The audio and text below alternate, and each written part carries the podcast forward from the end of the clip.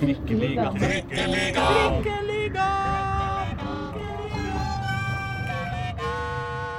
Ok, hjertelig velkommen til uh, Trikkeligaen, Dagsavisens uh, podkast om Oslo fotball.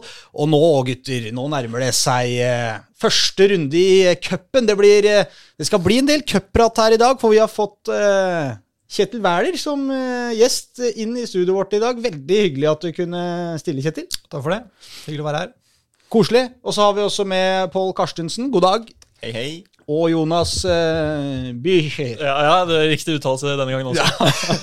Men uh, Pål og jeg skal dele mikrofonen i dag, som deg og Reidar eh, for noen uh, episoder siden. Og det Ja. blir uh, koselig og intimt. eh, Ikke sant, Pål? Ja, det går helt sikkert bra. Vi er, Vi jeg er vaksinert, i hvert fall. Vi får se åssen dere løser det. Alltid litt spennende. Men Kjetil, nå er det sånn at du har jo en, eh, du har jo en, eh, en fortid fra Lyn, og en fortid fra Vålerenga, og en nåtid i Lyn. Det er mange, mange steder vi kan starte her, men eh, kanskje vi skal bare rett og slett eh, få, få forklart hva du faktisk driver med akkurat nå for tida. Akkurat nå, etter min lange karriere, så eh, jobber jeg som personlig trener.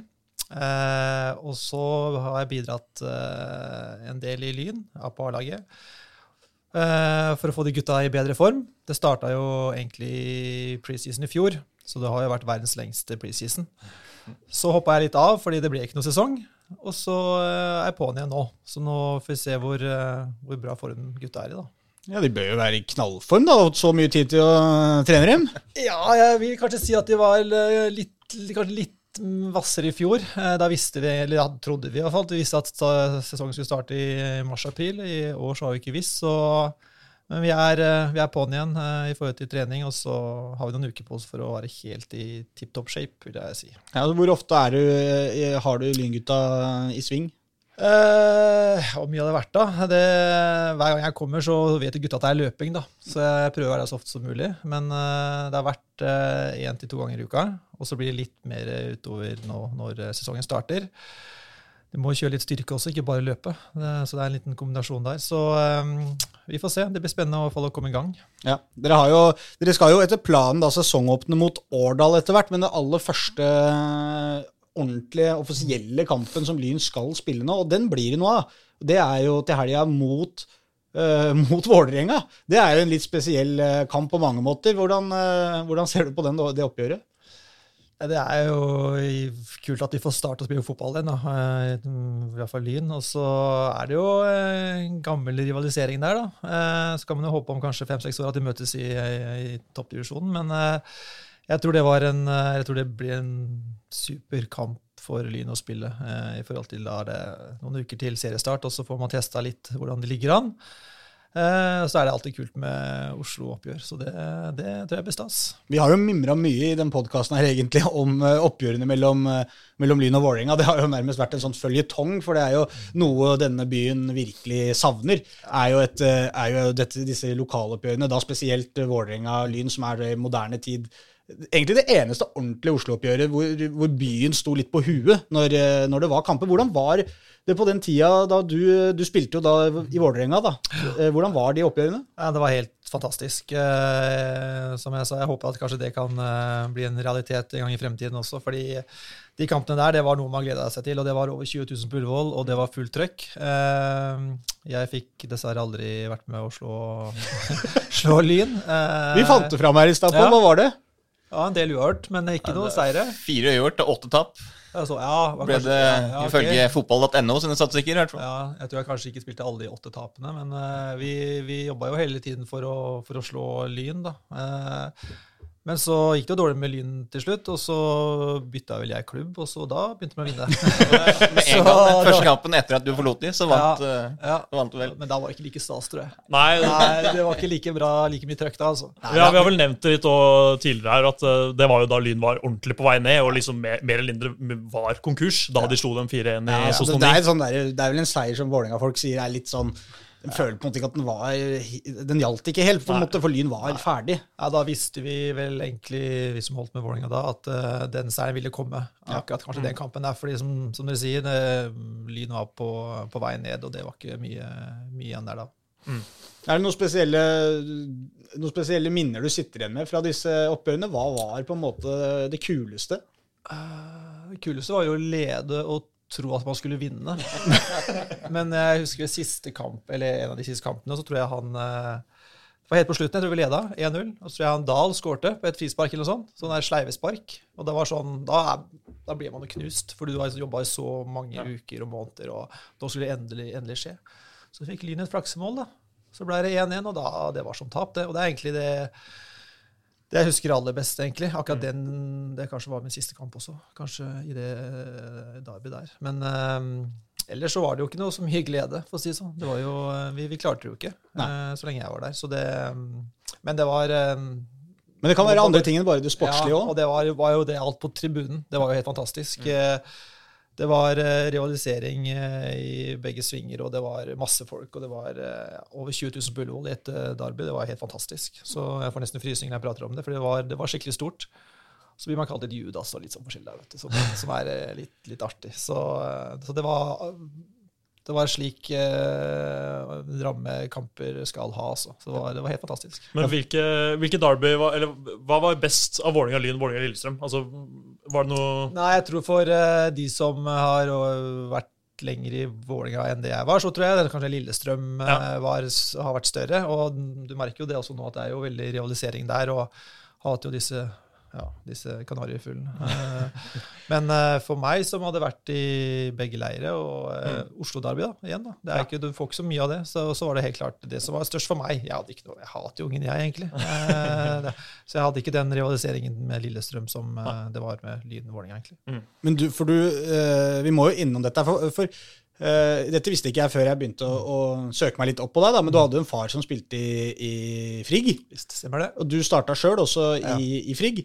Og så kom du jo ganske, som ganske ung til Lyn, og du fikk jo totalt med ungdomsår og, Ja. og seniorår ti år i, i Lyn i starten av karrieren din. Stemmer det. Så du, du må jo ha et litt sånn et, et ganske, altså Folk tenker, ser jo på deg og hører navnet ditt og tenker Vålerenga. Det er det du er på en måte synonymt med for de aller fleste. Men, men når Lyn nå møter Vålerenga i cupen, hvor på en måte står du plassert da? Er det sånn at du rives og slites, og en del av deg vil at de vinner, og en del av deg vil at de vinner? Nei, jeg, livet går videre, det. Så nå, nå står jeg i, Lyn, og barna mine er i Lyn, og det var der jeg vokste opp, og jeg fikk ti år av min, eh, i starten av min karriere der. Så eh, akkurat nå så er det Lyn. Eh, selvfølgelig, jeg følger jo med Vålerenga og ser på alt det bra de gjør nå. Eh, så, men akkurat nå så er han litt tilbake der for, for barna sine, da. Og da igjen, det, var- det var Lyn for meg da jeg var ung, og det er det for barna mine også. Og så, så er det jo ikke noe kamp om liv og død. Det er jo bare lek og moro. Så Eh, akkurat nå så er det vel litt mer Lyn enn Vålerenga. Men er det, litt, er det litt rart? Vi tenkte på det. Tommy Berntsen, som,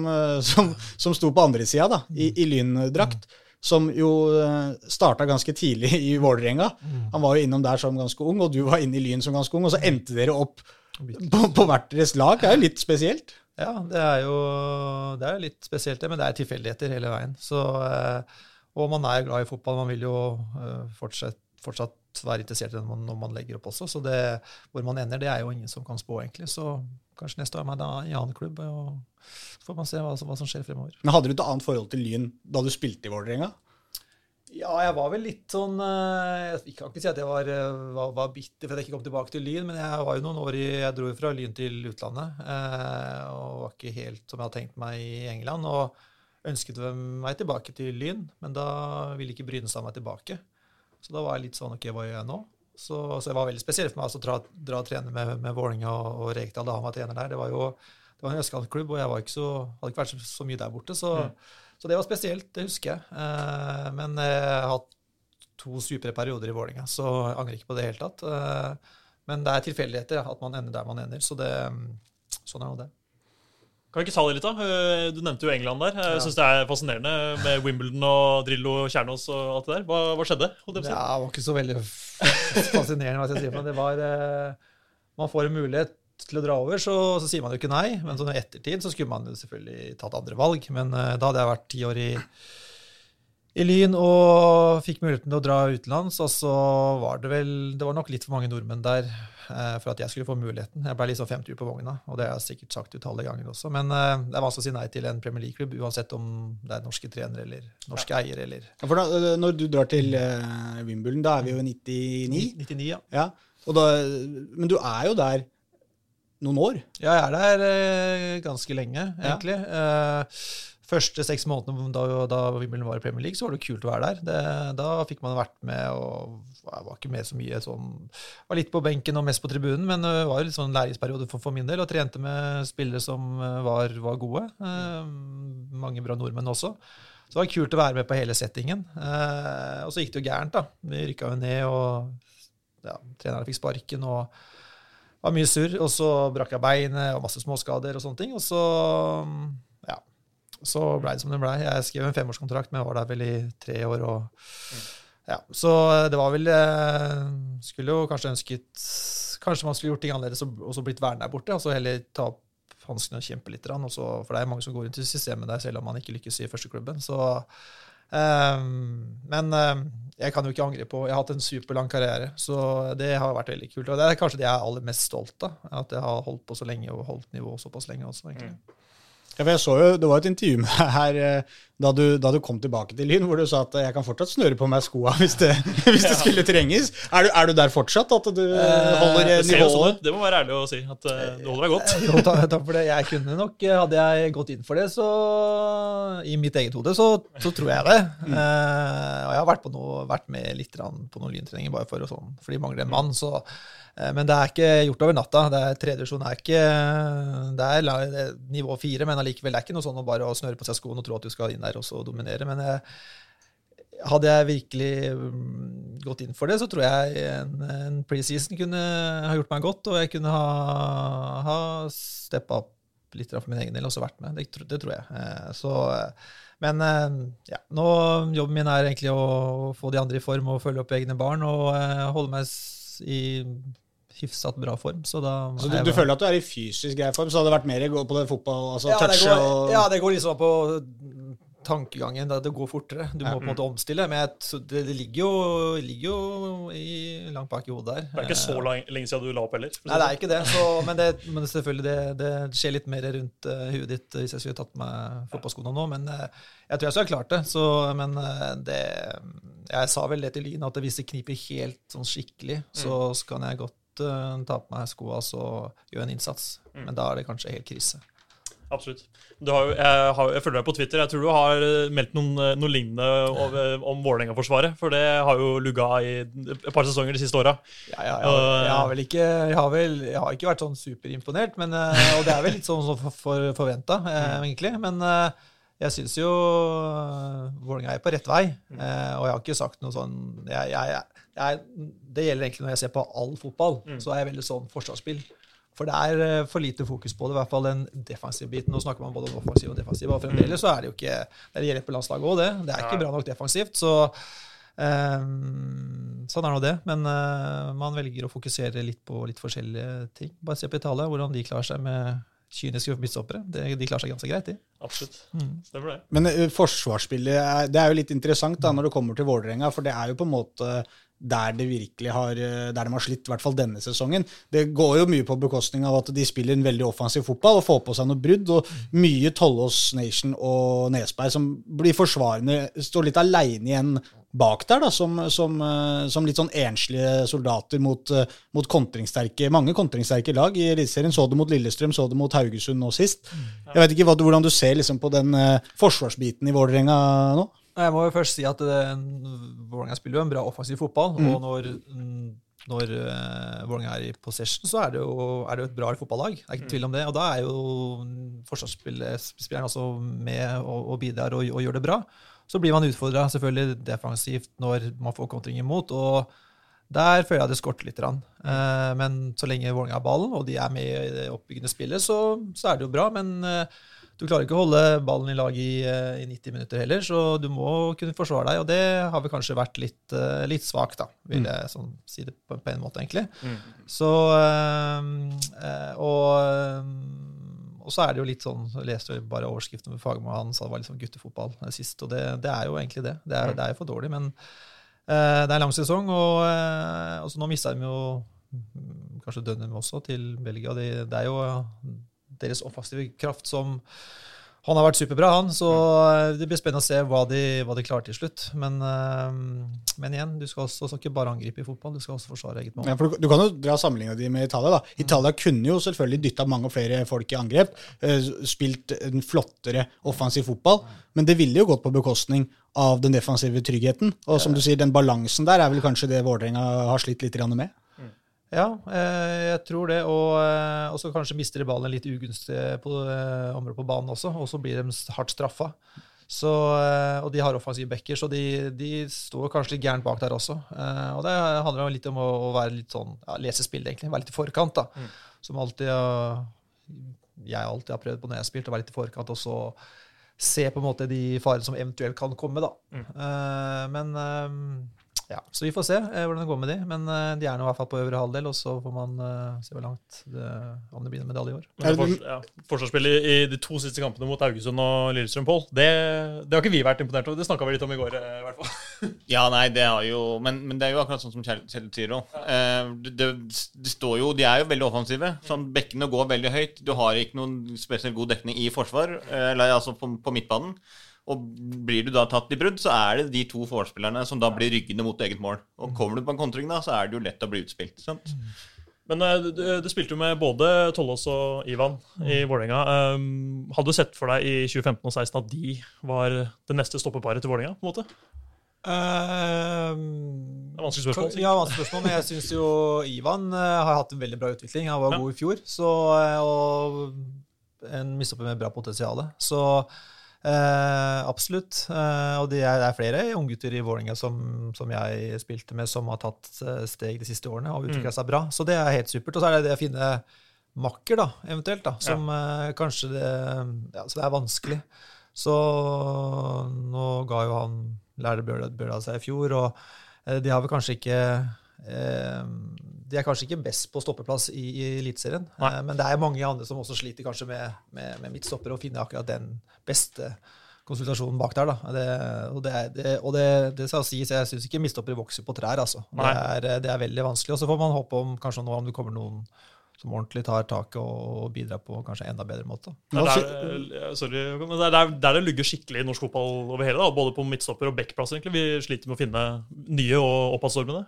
Ja, Altså- jeg, jeg føler jo litt det, og som jeg sa altså, i sted i forhold til landslaget også, det er jo, Nå bytter jo Ayer til Premier League, det er kanskje det kan hjelpe det norske landslaget. At det får enda bedre motstand. For det er vel der det har vært kanskje litt for enkelt for han i Skottland, og det ser man når det kommer også internasjonale kamper. Mm. At da, da, da, da lekker litt. Eh, Så, eh, men eh, ja, han, Solbakken har jo fått litt noen år, på, eller noen år for å jobbe med dette laget, så vi får se om det blir bedre fremover. Men jeg tenker på, hva, når, når du skal ha en midtstopper, eh, hvis du skal jobbe og få fram en god midtstopper, hva, hva er det på en måte de fleste midtstopperne i Norge sliter med? Hva er det, hvor er det de er eh, svake? Hvor, hvor, hvor må de ta steg? Det er jo Jeg tenker at uh, spiller man midtstopper, da, så er pri én det er forsvare eget mål. Uh, så har det jo vært de senere sikkert fem-seks årene snakket om den offensive midtstopperen. ikke sant? God med ball og sånne ting. Og det er vel og bra. Men jeg tenker pri én det er også å forsvare eget mål. Og jeg syns det kanskje har vært litt for lite kynisme eh, blant de midtstopperne som har spilt foran eget mål. Og som jeg sa i sted også, det å kunne forutse kanskje en litt farlig situasjon da, som du får imot deg, som du må på en måte være litt i forkant. Så det er det å lese spillet, egentlig. Eh, som Så er- være fotballfaglig Ja, sterk, på en måte? ja, og, og, Helt klart. ja. Så, og det å klinke til, altså. Det, du skal ha litt sånn stolthet når du spiller, eh, spiller bak der. Og, og det å kunne spille så bra at laget i alle fall får U, da, at det blir null f.eks., det Mm. er jo en seier for midtstoppere. Jeg tenker at det, det går litt på stolthet også.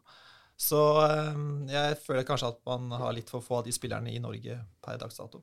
ja, at man har, man har kanskje litt for mange har tenkt litt for lenge at, eh, at vi må ha spillende midtstoppere, gode med ball, eh, gode pasningsspillere. Ja. Og så er jo det selvfølgelig når du skal spille midtstopper på et, eh, på et lag som Vålerenga, som har mye ball, da, for eksempel, eller KFM som et annet eksempel av våre lag, da, så, så, så krever du også at disse midtstoppere har en viss ferdighet med ball, for de, de står jo mye og dirigerer bakerst der. Og jeg synes, at Der syns jeg Ivan har tatt uh, bra steg. Han har en god venstrefot og har slått en del bra offensive baller i år, Ja. og eh, som har på en måte Og i fjor. Veldig Ja, ikke sant? Ja. Eh, og eh, det har hjulpet Vålerenga sitt offensive spill, helt klart. Så det, det har vært bra. Og så kan det kanskje noen ganger være litt lett for å slå ballen til sidemann også. Og så- men de, de spiller en offensiv fotball, så, men de, de ballene som Ivan slår, de, de løser opp motstanderlaget. Så det, det har vært positivt, det, altså.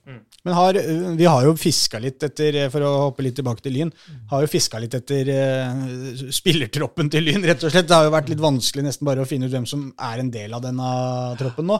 Men er det sånn at uh, du kan se for deg at eh, dette Lynlaget kan straffe Vålerenga på litt overganger? Jeg vil jo se for meg at det blir et kampbilde som er ganske reelt der. Jeg vet ikke hvordan er, altså, er det mye fart og ålreit kontringsstyrke i Lyn, eller? Nå skal ikke jeg sitte her og avsløre hva jeg har tenkt å si til Lyn, men, uh, Lynspillerne, men uh, det er jo helt klart Det er jo en mulighet. Man vil jo Jeg tror alle tenker at Eller det blir jo slik at Vålerenga vil styre kampen.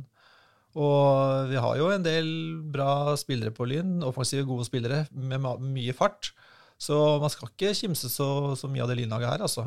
Det blir, eh, det blir spennende å se. og men igjen så har ikke de, vi har, vi har ikke nå sier jeg vi i Lyn, at vi har ikke spilt mange kamper. Og det er jo, vi er fremdeles inne i en, eh, en oppkjøringsfase frem til seriestart. Så alt sitter nok ikke til kampen mot, uh, mot Vålerenga heller. Men, uh, uh, men det er som du sier, kampbildet blir at Vålerenga kommer til å ha ball. Og så de mulighetene vi kan få, de skal vi ta. Og så har vi bra med fart også på toppen der, så det blir, eh, det blir interessant. Men alt ser ikke ut til å være helt på stell for Vålerenga heller, så det kan være en fi, et fint tidspunkt for Lyn faktisk å møte dem nå. Og så kan man jo si så mye man vil om at dette er en uh, Lyn bruker det som en oppkjøringskamp, og, og det er bare første runde i cupen, og det er på en måte mm. Men, men som supporter, som Lyn-supporter nå, så får du Vålerenga altså, De har flydd rundt her på, på matcher mot mye rare lag, og de har møtt Vålerenga 2 ved noen anledninger, ikke sant? Og det er eh, Nei, har de ikke møtt Vålerenga 2? Ja, litt i fjor, kanskje, på noe trenings... Eh, Jeg, men jeg mener det var en match mellom Lyn og Vålerenga. Ja, i 2019, vel? Ja, noe sånt. Ja, Ja, ja. ikke sant? Men, ikke sant? Hvor, hvor det ble mobilisert Ja, litt fra ja, ja, begge leirer, og det var litt trøkk rundt oppgjøret. Ikke sant? Dette er jo ikke bare en oppkjøringskamp. Nei da, ikke i det hele tatt. Og det spises på Bislett, på gress. Uh, Vålerenga er gode på kunstgress, ballen går fort. Uh, så her kan alt skje. Så, uh, Og så er det midt mellom Vålerengas oppgjør i Europa. Som Ja. Ja, det De vil sikkert prioritere litt eh, der også, de. Ja. Så jeg tror at det kommer til å bli jevnere enn det kanskje folk tror. Uh, men selvfølgelig, det er noen uh, nivåer forskjell her. Men uh, cupkamp, hva sier man? Cup, cup er cup. Ja. Men er det, er det, vet du noe om hvor altså Jeg ser at det er mye oppdateringer rundt omkring på hvor mange som kommer til å komme her. Har du noen idé om hvor mange som vil dukke opp på dette oppgjøret, eller? Nei, jeg har hørt at uh, man har vel lagt ut 5000 billetter, har jeg hørt snakk om. Og så er det vel 4000 Lyn-supportere og kanskje 1000 Vålerenga-supportere. Men det er jo, jeg tror det er jo mer enn bare akkurat den kampen her. Det er litt kult å spille på Bislett igjen. da. Ikke sant? Det er, eh, for uh, Vålerenga i gamle dager så var Bislett eh, det var på en måte det var der man spilte kampene sine, og der det var uh, masse liv. Så jeg tror det er litt, eh, litt mer enn bare, alt, bare en kampen her også. Eh, så det, jeg tror det, blir, eh, det kan bli bra, kul stemning. Ja, for Bislett gir jo ofte en litt sånn der historisk sus, uansett eh, nesten hvem som spiller. Jeg husker jeg var jo så Skeid mot Fredrikstad der en gang i cupen også. Ganske mye folk som kom da. ikke sant? Også et klassisk oppgjør under fotball. Og så får du det på Bislett. Så blir det en sånn helt Kan du si hva du vil om Bislett som fotballarena, og alt det, løpebaner og gressmatte er sikkert ikke topp, eh, tipp topp shape sånn som den kan være, men, men allikevel, det er Bislett, ja, det er Bislett og ramma. Det er den vi snakker om ja, nå. Absolutt, ja, ja. Så jeg tror det kan bli bra. Litt fint vær i, i, på søndagen, så tror jeg det kan bli eh, bra, bra stemning. Så det, det blir kult. Det var jo Var det ikke der det ble publikumsrekord i første runde i cupen for eh, ja, blir vel åtte år siden, ni-åtte år siden, i 2012? Da møttes jo Vålinga og Lyn i første runde der. Ja, riktig. ja. Og da ble det jo bare 2-1 til Vålinga, og vant jo heldig, husker Ja. jeg òg. Det var jo do kontroversielle dommeravgjørelser og sånn, så det Ja, cup er cup. Det er ikke tvil om det. Det blir spennende. Ja, det det. Men vi er inne på cup, du, jo, du er jo faktisk eh, altså du, du er jo eh, Vi har vært inne på den litt kjipe historien din med kampen mot Lyn, hvor det sjelden gikk bra. Men i cup generelt så har det jo gått ganske bra for deg, for du har jo spilt cupfinale både i Norge, Sverige og Danmark. Med da, Aalborg i 2009, da tapte du, og så vant du med IFK. Mhm. Og så vant du med Vålerenga i, eh, i 08. Ja. Hvilken av disse cupfinalene husker du best? Det var jeg vil jo si eh, cupfinalen i 2008 mot Stabæk. Det er det kuleste, noe av det kuleste jeg har vært med på, egentlig. Eh, vi hadde jo tapt ganske mye noen uker i forveien, og eh, det var jo 6-2, vel. Ja, det, jeg tror Stabæk trodde det skulle være en walk in the park på Ullevål, og det var, det var fantastisk. Og da hadde jo Moa og Daniel kanskje sine beste kamper som, som spisspar, og det var, det var dritkult. Og så um, var det jo selvfølgelig kult i Det var egentlig en av mine første kamper i Aalborg også, å spille mot uh, FCK i, i Parken. Det var kult. Tapte 1-0. Vi var vel fullt på høyde. Og så var det kult å kunne avslutte med en tittel i, i IFK Göteborg også, eh, mot Djurgården. Så, det, så jeg har vært eh, opplevd, eh, opplevd tre cupfinaler. og må ikke glemme at jeg vant eh, NM-finalen for junior i 94 med Lyn. da. Så jeg jeg, juniormester også. Så det, Nei, er du gæren? Vi har jo ikke glemt det, selvfølgelig. Nei, nei. Nei, altså det har vært eh, Cupfinaler er noe, noe, noe spesielt. Så mye folk og bra stemning. Så det, det er jo én en enkel match, da. Og det vinner du den, så, så er det kult. Så ja, det har vært, eh, vært noen høydepunkter i karrieren. Ja. Så det var litt, litt hyggelig, bare sånn Det er jo alltid hyggelig på en måte når eh, Luton Shelton sitt navn dukker opp. Ja, Eh, og jeg så jo at du spilte faktisk cupfinale med han i Han var i Aalborg, mm, med ja, deg der? Ja, det stemmer det. og så var han også med uh, da i Vålerenga. Ja, jeg spilte med ham både i Vålinga og i uh, Aalborg. Jeg tror han var utleid til Aalborg fra Ja. Vålinga, tror jeg. Mm. Ja, så det gjorde jeg også. Så Ja. det er spesielt. Bare tenkte at det var litt sånn Mm.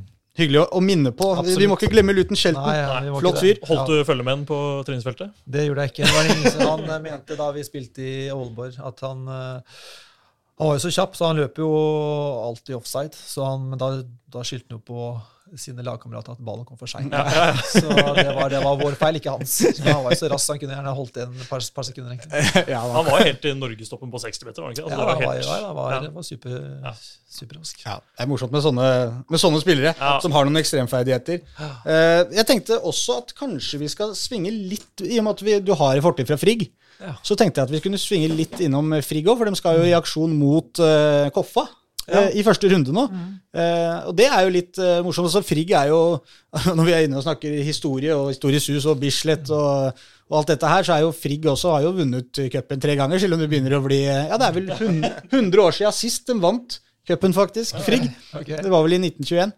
Og da, så, så det er vel ikke snakk om at Frigg skal ha noe Det blir ikke Ullevål på dem, tror jeg, men hva tror du om Eller har du noe kontroll på Frigg i det hele tatt? Vet du hva som jo- rører seg der? Jeg har jo fulgt litt med De er vel i samme avdeling som, som Lyn i, i serien. Og de har spilt noen treningskamper nå som de har gjort det bra, bra i. Og nå skal jeg heller ikke kimse av Frigg. Og det er alltid igjen da, når de skal møte Lyn i eh, Derby, så kan man aldri spå utfallet av det. Så, så de er jo litt oppadgående, de også. Og igjen, de som møter Koffa.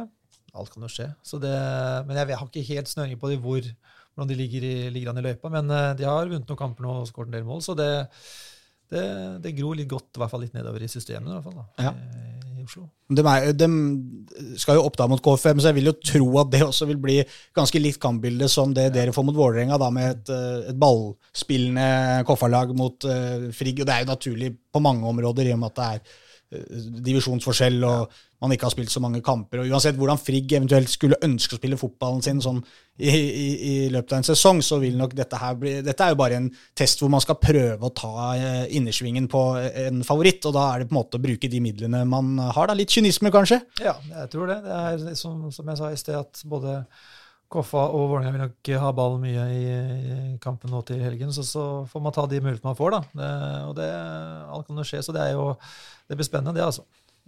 Litt kjapt innpå bare. Jeg hadde jo en sak med David Brokken uh, i går. Uh, og han har vel en liten fortid i Frigg i, i klubben der, tror jeg. Som uh, enten spiller eller et eller Ja, annet han har bidratt på en annen, Ja. et eller annet nivå der, ja. Ja, så det var bare en liten fun fact der. Ja, ja, jeg bare tenkte vi skulle svinge innom uh, Frigg, ja, fordi at, eh, jeg fant ut at faren din spilte i Frigg. Hva slags forhold har du egentlig til Frigg? Nei, det var jo Som fra barndommen, ja, barndomsklubben min. Jeg gikk jo på, på skole i, på Bottløkka, jeg. Og det var, det var naturlig å starte i Frigg siden min far har stått der. Så jeg hadde fem-seks fine år der, jeg. Eh, Tapte alltid mot Skeid og Lyn og sånn da vi møtte de, og det var jo kanskje derfor jeg også bytta, bytta klubb da jeg var 13, 13 år, fordi jeg ønsket å kanskje komme på et litt bedre lag. Eh, Nå, nå er jo jeg selv motstander av at eh, eventuelt mine barn skulle gå til andre klubber fordi de er bedre, så jeg er vel litt sånn Kona er vel ikke helt sånn enig med meg der, at jeg må jo passe på hva jeg sier. Men uh, da var det egentlig da var det ikke så mange om beinet. da. Det var, det var uh, mye færre spillere enn det er nå. Og du hadde ikke noe Stabæk i, i barnefotballen som er ekstreme nå. Uh, da, man spilte der man, man hørte til, og jeg, det var midt i byen. Og så tror jeg vi spilte en kamp mot Lyd på Bergenbanen på grus. Vi tapte 6-1. Og da tenkte jeg at nei, dette her, det her funker ikke. Jeg må komme meg videre. Ja. Så da tok jeg med meg en annen uh, lagkompis fra Frigg, og så gikk vi over, og så kom det noen andre etterpå. Så vi var vel ikke helt um, Ja. Men, det, men uh, man hadde litt ambisjoner selv da man var 13 år, så da, da søkte man til andre ting, egentlig. Men var det, var det sånn at du dro på og så A-laget til Frigg spille og de tinga der, eller var Nei, det jeg var ikke, var ikke der. Nei. Og da, det var mye mer roligere tilstander da jeg var uh, tenåring. Uh, nå er det jo helt ekstremt i forhold til satsing og akademier og sånne ting. Uh, det var mye mer Jeg tror man var litt mer, hadde litt mer, mer senka skuldre på den da, da jeg vokste opp. Nå er det som, som jeg sa, helt ekstremt i forhold til det også akademier og topp. Nå er vi liksom på 80, sj- sj- fra midten av 80-tallet og ja, opp på er 90-tallet. ja, liksom. på, ja, vi er på midten av 80-tallet, og Ja. det var helt og vi, det var, det var eh, 13 spillere. Det var ikke eh, 33, Mm. ikke sant? Og, så det var, vi hadde en bra sosial gjeng både i,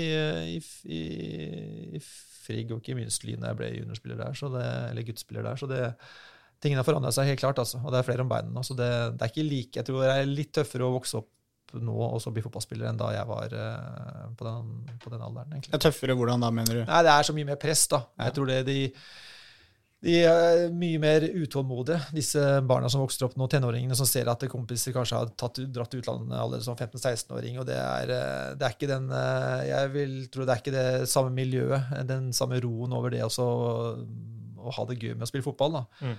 Det er så det presset kommer så mye, mye tidligere, og det er det jeg prøver å si til mine barn, at man må prøve å senke skuldrene litt. Eh, og nå skal det være mest mulig gøy, og, eh, og så får man se hva som skjer. Jeg tror de som blir har ambisjoner om å bli fotballspillere og som er gode nok, de vil kanskje bli det uansett. Eh, selv om man kanskje blir i en klubb som er litt dårligere enn kanskje f.eks. Stabæk, da, hvis du er i en en Oslo-klubb. Så, så jeg tror det er litt mer ekstremt nå, og det, det er litt mer slitsomt for barna nå enn da jeg var eh, vokst opp. Altså, Du tror, det er en, du, du tror det faktisk er en nøkkel for å, for å ha litt suksess? At man, at, eh, altså for, for det å få presset på seg tidlig Man lærer jo mye av det òg, men, men du, du, er litt engstelig for at det kan bli for mye av Ja, og det så er også det for Hvis du spiller på et lag som hele tiden vinner, da, så plutselig du begynner du å tape som 16-17-åring, og så kommer du ikke med på laget, for de satser så fælt, og så er det mange som faller fra. da.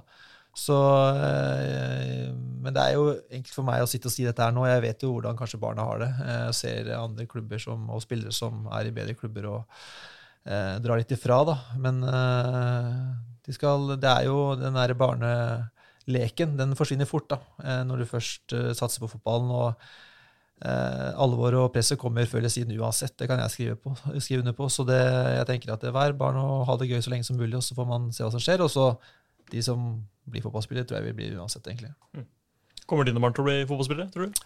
Eh, de ønsker jo det, men eh, Blir beinharde stoppere? Nei, Kyniske? Nei, og jeg var jo, Da jeg spilte i Frigg, så var jeg midtbanespiller, og jeg, jeg angrer jo på selvfølgelig da jeg gikk til Lyn at jeg begynte å trekke meg litt bakover i Mm. banen. Det er jo morsomt å leke med kula. Så det er det barna mine gjør. Så det Jeg har ikke noe Jeg tror ikke de har den der eh, tøffheten i huet sitt heller, så det, de kan ikke bli midtstoppere. De er Kanskje ikke ungdomsspillere nå, eller? Hvor gamle er de? Eller så De er, eh, jeg har to jenter og to gutter, og Ja, okay. eldste er 16, og så er det en datter på 14, og så har jeg sønn på 12, og så en jente på 10. Så Og alle spiller fotball? Alle, ja. Alle står i Lyn, ja, og Ja. spiller fotball. Ja. Så eh, får vi se, da. Eh, har jo god mulighet for at en av de kan bli kanskje fotballspiller, da. Så, Men Er det sånn at eh, han eldste sønnen din kanskje er i nærheten av A-laget et sted? Eller sånn junior oppi? Ja, han er jo i juniorspill neste år, da. Ja. Ja. Så får vi se. Men de er jo um, Jeg fokuserer ikke så veldig mye på det. Jeg, som jeg sa i sted, at jeg ønsker Ja. at de skal ha det gøy. Mm. Og så får vi se hva som skjer. Ehm, og de, de har jo fremdeles god tid på å tenke, Mm. tenke på om de vil bli fotballspillere. Så Eh, vi får se. Kanskje som jeg sier, en, en av de blir det. Da, da kan far være fornøyd. Snakk om å ikke legge, på, legge press på barna, så kommer jeg og Ja, får vi en ny spiller i Mæler-familien. Ja. Ja, ja. Nei, men jeg tenkte jeg bare hoppa litt fort eh, vi, egentlig vekk fra cup og, og Norge, Sverige, Danmark. der. Jeg føler litt lyst til å prate om, eh, om eh, cupen, når du faktisk har vært med på hele reisen opp til en cupfinale i alle de tre skandinaviske landene. Er det, er det noe forskjell på cupen eh, i disse tre landene? Ja, jeg tror, eh, eller Cupen i Norge er jo så ganske høyt da, for mange Mm. spillere. Det er, ikke sant? det er eh, spiller på et eh, fullsatt Ullevål. Uansett om, du, om det er et antatt svakere lag, eh, kanskje fra, fra, fra nivået under Eliteserien, så, så blir det alltid fullt. Det er alltid bra stemning. Og det, det kribler alltid ekstra. Jeg husker selv da jeg var ja, på 80 80-tallet, da man så, så Rosenborg Brann spilte på Ullevål, fullsatte tribuner. Det er jo noe du drømte om. Eh, Så vi har en helt eh, unik sånn historie rundt uh, cupen i, i, i Norge. Så det, det er det, Den står, står høyt. Og det var ikke på samme måte i, på langt nær samme måte i Danmark og Sverige. Det var det ikke. Men, men, men hvis du er født i Danmark eller Sverige, så har vel de vokst opp med å se cupfinalene de, i sine hjemland, så det vil jo tenke at det er stort for de da, på en måte Ja, men det var ikke samme reise, egentlig, det- til disse cup, cuprundene. da. Ja. Eh, Jeg kom litt inn, jeg kom halvveis inn i sesongen i Aalborg, og da hadde de eh, kommet ganske langt eh, på den reisen allerede.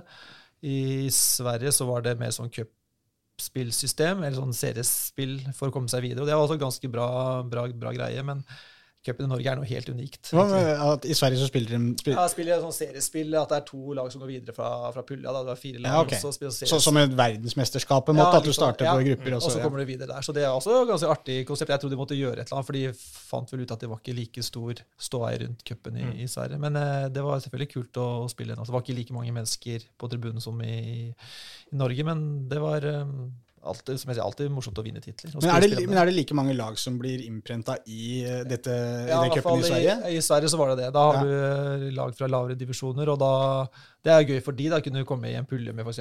IF Göteborg eller Djurgården eller AIK eller Malmö. Mm. Mm. Og så der også var det en del uh, spennende resultater. Uh, gikk ikke alltid uh, topplagene sin vei, så, så det, det var et kult konsept for i hvert fall for de dårligste antall dårlige lagene. da. Men Var det noe trøkk der på disse kampene? da? Altså, sånn, det er jo I, norsk, i norske første runde i cupen i hvert fall, stort sett så pleier det å være ganske bra med folk når de store storebror kommer på besøk. da, Så Ja. pleier jo det å være en stor happening mange steder. Jeg vet, Hvordan var det litt Nei, samme var i Sverige? det, nei, det var ikke det samme. Som jeg sier, den cupen i Norge er helt unik altså, i, Ja. i Skandinavia. Det trøkket som, eh, som er rundt eh, både ja, første og andre runde, ikke sant? det er jo det er noe helt annet. Så, eh, det er, så hvis man skal må velge, så tenker jeg vinn cupen i, i, i Norge. Mm. Den er kulest. Men det er det som er litt kult med cupen uh, også. Er det, liksom, det er jo sjel, eh, ikke sjelden, men det er, ofte så er du en underdog som eh, gjør det bra. da, Og så må du nødvendigvis ikke være god i verken Obos eller uh, Eliteserien for å gjøre det bra i cupen. Altså, ta Follo i 2010, for eksempel. Altså, Ja, Hødd var jo Hødd, ja. Ja. Og altså, Vålinga i 2008 var jo det var en dårlig sesong i Tippeligaen. Absolutt. Men så vinner man jo serien. Det er jo Ja, det handler jo om å mobilisere den ene kampen. da. Så klarer man det, og så, skal du, så slår du eh, laget på andre siden av, eh, av midtlinja, så, så, så er det jo videre. Så det, den mobiliseringen er viktig i, i norske cupen. Men den der oppladninga til cupen den har jo vært litt diskutert. sånn, det er jo flere, Var det ikke noen som spilte cup her for noen år siden som klagde på at de skulle på noe sånn der show på en scene øh, kvelden før? og ikke sant, Det var, det var vel Molde, tror jeg, eller et eller annet, som, øh, som det blei mye var vel kanskje mot Ålesund, da. Men i hvert fall, det, det, det er jo noe med det der, hele pakka med cupfinalen også. Det er mye som Jeg vet ikke, Hvordan var det i 2008? Hvordan var på en måte cupfinaleuka med Vålerenga da? Jeg tror vi, hvis jeg ikke husker helt feil, så reiste vi bort eh, og fokuserte på oss selv. Vi var, eh, sagt, vi hadde jo tapt for Stabæk noen uker tidligere og var ganske langt, ikke langt nede, men vi var ikke noen favoritter. Vi dro bort og trente godt og eh, var underdog, så For Stabæk i 2008, det, da vant de jo øh, serien. Serien, ja, ja. Og med Alansinho og Ja, ja, de der. far, med Farnerud og Nanskog. Ja, ja, ikke sant. Så det var ingen som uh, trodde at vi skulle klare det. Så vi, vi, vi dro bort. Og Hvor dro dere hen da? Var vi nede i Son, eller? Ja, var vel noe nede i området der. Du lå vel i buskene du, Jonas? Åtte, åtte år gamle meg. Ja, du, ja.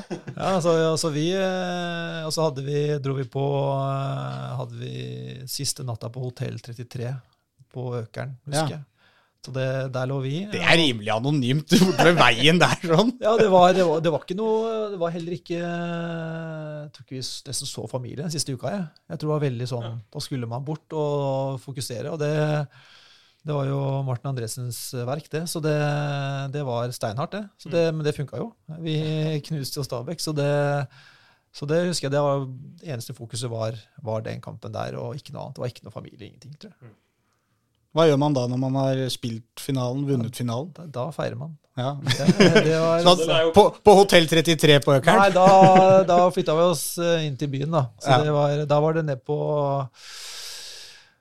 var, på, var vi på, nede på Jungstorget, eller? Noen scene der, eller noe sånt? Jeg, sentrum, jeg tror det var på Jungstorget. Det var jo det var kjempegøy. Det var eh, helt Ja, utendørs der, eller Ja, var det en sånn samling med var- supportere? Ja, samling med supportere på, på, på en scene der med Og vi fikk komme frem og bli hylla. Så det var, eh, det var kult. Men Feirer man med supportere etter det, eller man, finner man seg et reservert bord og, med gutta? Jeg husker ikke. Det var helt, det var helt ville tilstander. Nei, det var, eh, nei, vi var jo da med, med supporterne rett, rett etter kampen.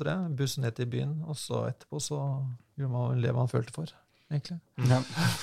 Men jeg må, må jo, eh, både den feiringa der, og, men det som jeg husker av bilder og sånn da, som har kommet i ettertid, er jo Rådhusplassen i 2005, når de vant serien. Altså, ja, det, også, det, var også ja, det må ha vært helt, helt sinnssykt. Ja, da var jeg litt ska- skada den sesongen der, så jeg, jeg fikk ikke jeg spilte ikke siste kamp mot Odd. Men eh, man hadde jo deltatt selvfølgelig på, på, i sesongen og spilt over 50% så det var jo artig, det. Så, Men igjen så tror jeg det også sto De som da kjenner Vålerenga godt, var jo på en måte noe de hadde savna i mange mange år. Ja. Så eh, det var eh, for supporterne det var jo også helt magisk, egentlig. Det var, eh, Nå kommer jeg på det, da. Altså, fordi det er jo den sesongen hvor Vålerenga vant, men på en måte ikke fortjent å vinne, mener mange. Men 2004, eh, 3-0 hjemme mot Stabæk i siste serierunde. Det er en kamp som jeg regner med du husker godt. holdt jeg Ja, det, det, den husker jeg godt. Og det var, det var, sånn- det var, var skikkelig Du skåra vel òg? Jeg skårte også. Ja, eh, så, og da, da var vi gode i 2004. Det var helt, helt sinnssykt. Så det, og den, eh, det er kanskje det største sånn eh, hvor jeg kanskje var mest lei meg etter å Ja. ikke ha vunnet noe etter den siste kampen der. For da Mm. var vi så tett på, og så det var vel Lyn som ødela for oss, da vel. Ja. De gadd ikke å gjøre noe særlig innsats mot Rosenborg, så det har vært det mye rivalisering her. Så, Jeg, jeg føler at ditt forhold til Lyn er utrolig sånn ambivalent. Det er sånn altså, barndomsklubb, barndomsklubb, Ja, som sto i veien for alt som var moro, og Ja, så ja. tilbake i Lyn nå. Ja, og så fikk jeg ikke komme tilbake til Lyn og spille for Lyn heller. Det var bare, men jeg slo, jeg var med å slå, slå Lyn da jeg var i Moss i 2002. Ja, et, altså sånn på tampen av Wimbledon du ble lånt ut, Ja, jeg det? ble lånt ut, og da møtte vi Lyn på, eh, på Ullevål, hvor de hadde en veldig bra sesong. Jeg tror det var, det var vel det var, det var tett på å vinne, tror jeg. Ja. Eh, Og da og rykka Moss ned, da, men vi vant 1-0 på, på, på Ullevål. Da, da jubla jeg. Det, det er, men det er jo ingen som husker. Jeg husker det, for da det var det en gang jeg slo Lyn. Så det husker jeg. Ikke kom her og si at jeg har fire uavgjort og åtte tap mot Lyn, for det har jeg ikke. Altså det, det Ja, men du har jo faktisk ikke det. Du slo jo faktisk i siste Din var det aller siste kamp du spilte i Sogndal òg? Var ikke det mot Jo, Vålerenga? det var med Vålerenga. Ja. Ja. Da, ja, men uh, Lyn det har jeg ikke slått med Vålerenga. Så det er mye Jeg har slått det, jeg, jo, jeg, og det var ikke noe Det var ikke noe stas å spille mot Vålerenga da, spille mot gamleklubben, men vi Det var ikke stas? Nei, det er alltid spesielt du har godt forhold til klubben, så du møte, Ja. Vålerenga. så- Men vi, da spilte vi jo bra den kampen der i Sogndal, og, og det var selvfølgelig litt også litt kult, da. For Mm. eh, jeg hadde jo gitt meg, så kom jeg tilbake også. Men uh, Ja, for Åssen var det den siste Vålerenga-sesongen der i 2016? Ble det, var det bestemt at du skulle gi deg etter Ja, jeg bestemte meg i løpet av sesongen. Det var mye Ja. surr i Vålerenga det året der, og det var sånn, gleden med fotballen hadde forsvunnet eh, Ja. ganske mye. Og så fullførte jeg den Deila tok over. Ja, på høsten der, ja. Ja, Ja. Avslutta vel med både seier mot Tromsø og Viking borte. og Mm, mm. Bra avslutning for min egen del. Mm. Uh, og så Det var det, egentlig. Ja. Og så Ja, så var det litt sånn om du skulle legge opp eller ikke. Og så, ja, jeg, var, jeg hadde egentlig sagt at nå var jeg 40, nå Ja. kan jeg like godt legge opp. Og så, men eh, det er jo liksom nå jeg har følte jeg hadde, hadde vel ting i meg fremdeles, Mm. så da Men eh, Får gjøre comeback nå, da. Det, ja? Men, men hvordan havner man i Sogndal plutselig? Det er jo Nei, det er et godt spørsmål. Jeg fikk en telefon av Eirik Bakke, da. Så jeg lurer på om jeg ville, De har sleit med, med mye skader bak i, i forsvaret der. Og, Men han kjente du litt fra Wimbledon? nei, nei, nei, han var ikke Ja, der, nei, han. var, jo- han var i Leeds litt tidligere, han. Ja. egentlig. Nei, han kjente jeg ikke noe til, egentlig. Eh, fantastisk tid. Selvfølgelig, alt slutter jo med litt sånn ja, sånn Avslutning er litt sånn kjedelig, man får ikke spille på slutten og sånn. og det, Men det er jo sånn veien og det er, det, er, det er sånn veien går, egentlig, for alle Mm. fotballspillere. Det er flere som er eh, holdt høyere nivå enn meg, som eh, ikke har fått fornya kontrakt. Så det, så det er bare livet, egentlig. Så det må man egentlig bare akseptere. Men, eh, men som sagt, fint, fint til Sogndal. Det er Kjempebra bra tid der også, for min, for min del. altså. God saft. God saft. Nei, det var, det var hyggelig, hyggelig folkeslag. Ja, ja, Nei, altså, det, var, det var også veldig bra, altså. Så det, ja. Du har jo, du har jo Jeg vet ikke om vi bare skal svinge en liten tur innom landslaget òg, for det- vi må jo ikke glemme at du faktisk klarte å plukke med deg en, eh, en del landskamper på, på veien her også. Men uh, hvordan, hvordan er det å representere Norge? Eh, Det har vært eh, bra. Jeg, sånn som jeg sa innledningsvis, at jeg er jo stolt over at jeg har hatt lang kar- karriere. Og den har jo inneholdt eh, mange kamper og landskamper og gullklokka. og spilt, jeg har spilt med mange gode fotballspillere. Så det har til og med vært kaptein på landslaget en gang også, så det er også kult. Så det, det er noe Og jeg kan... Og skåra vel òg? Ja, og skåret også. Matchvinn mot Sør-Afrika i en treningskamp, for de hadde holdt det i VM. Så det er liksom man kan fortelle barna, da. At, og, det, og så har de hele tiden spurt meg hvorfor jeg ikke sa ja til Arsenal selvfølgelig da jeg var 20 år. da? Det er, det, liksom, det er kanskje den største nedturen for barna mine, egentlig. ja, for du fikk tilbud fra Arsenal da du var 20? Ja, ja, ja, ja.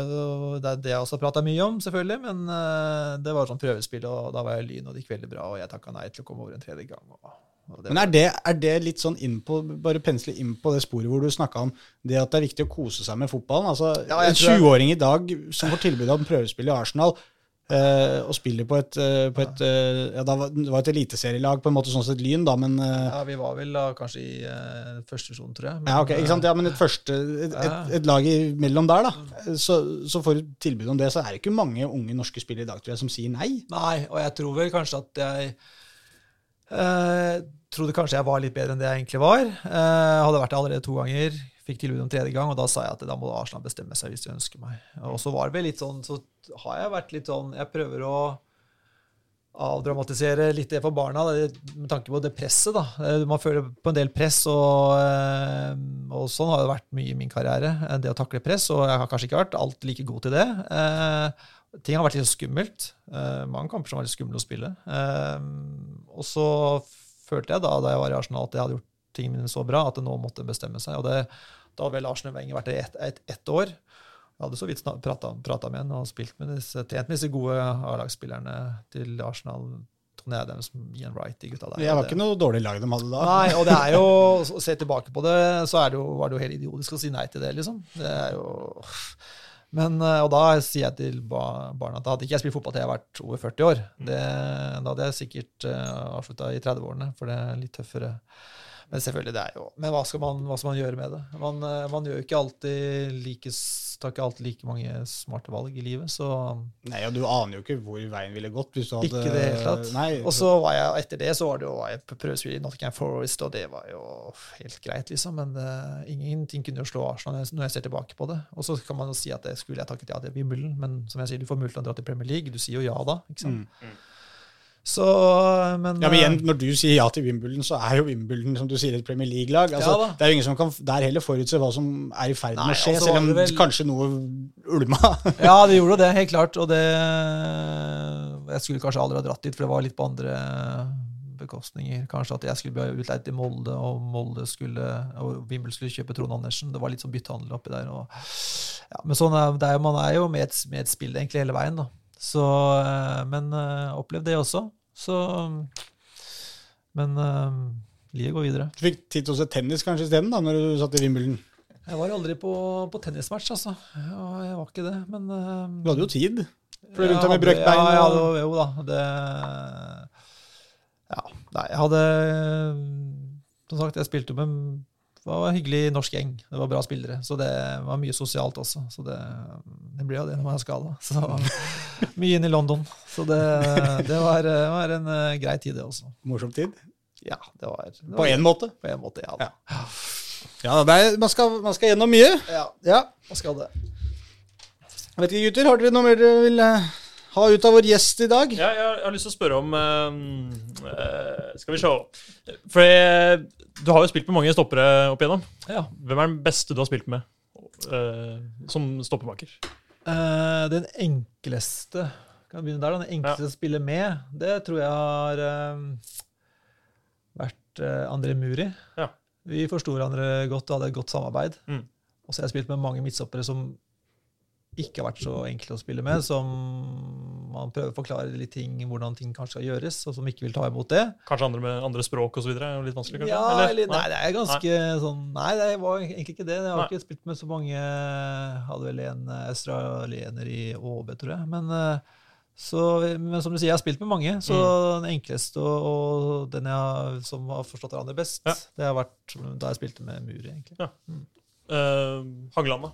Hvordan var det å spille med han? Jo, absolutt eh, bra spiller det også, Mm. men da går jeg opp på landslagsnivå. Da, men eh, han også veldig god spiller. Det er vi utfall, Kanskje den spilleren vi som Eller den makkeren som der vi har uh, utfylt hverandre best. da. Mm. Han var nok bedre offensivt enn det jeg var offensivt, mens jeg var bedre enn han Ja. offensivt. Så der, der følte jeg at der var det også en bra kjemi. Mm. Det ble ikke så mange kamper sammen, men uh, de kampene vi spilte sammen, var veldig bra. Så Mm. det helt klart Hangeland.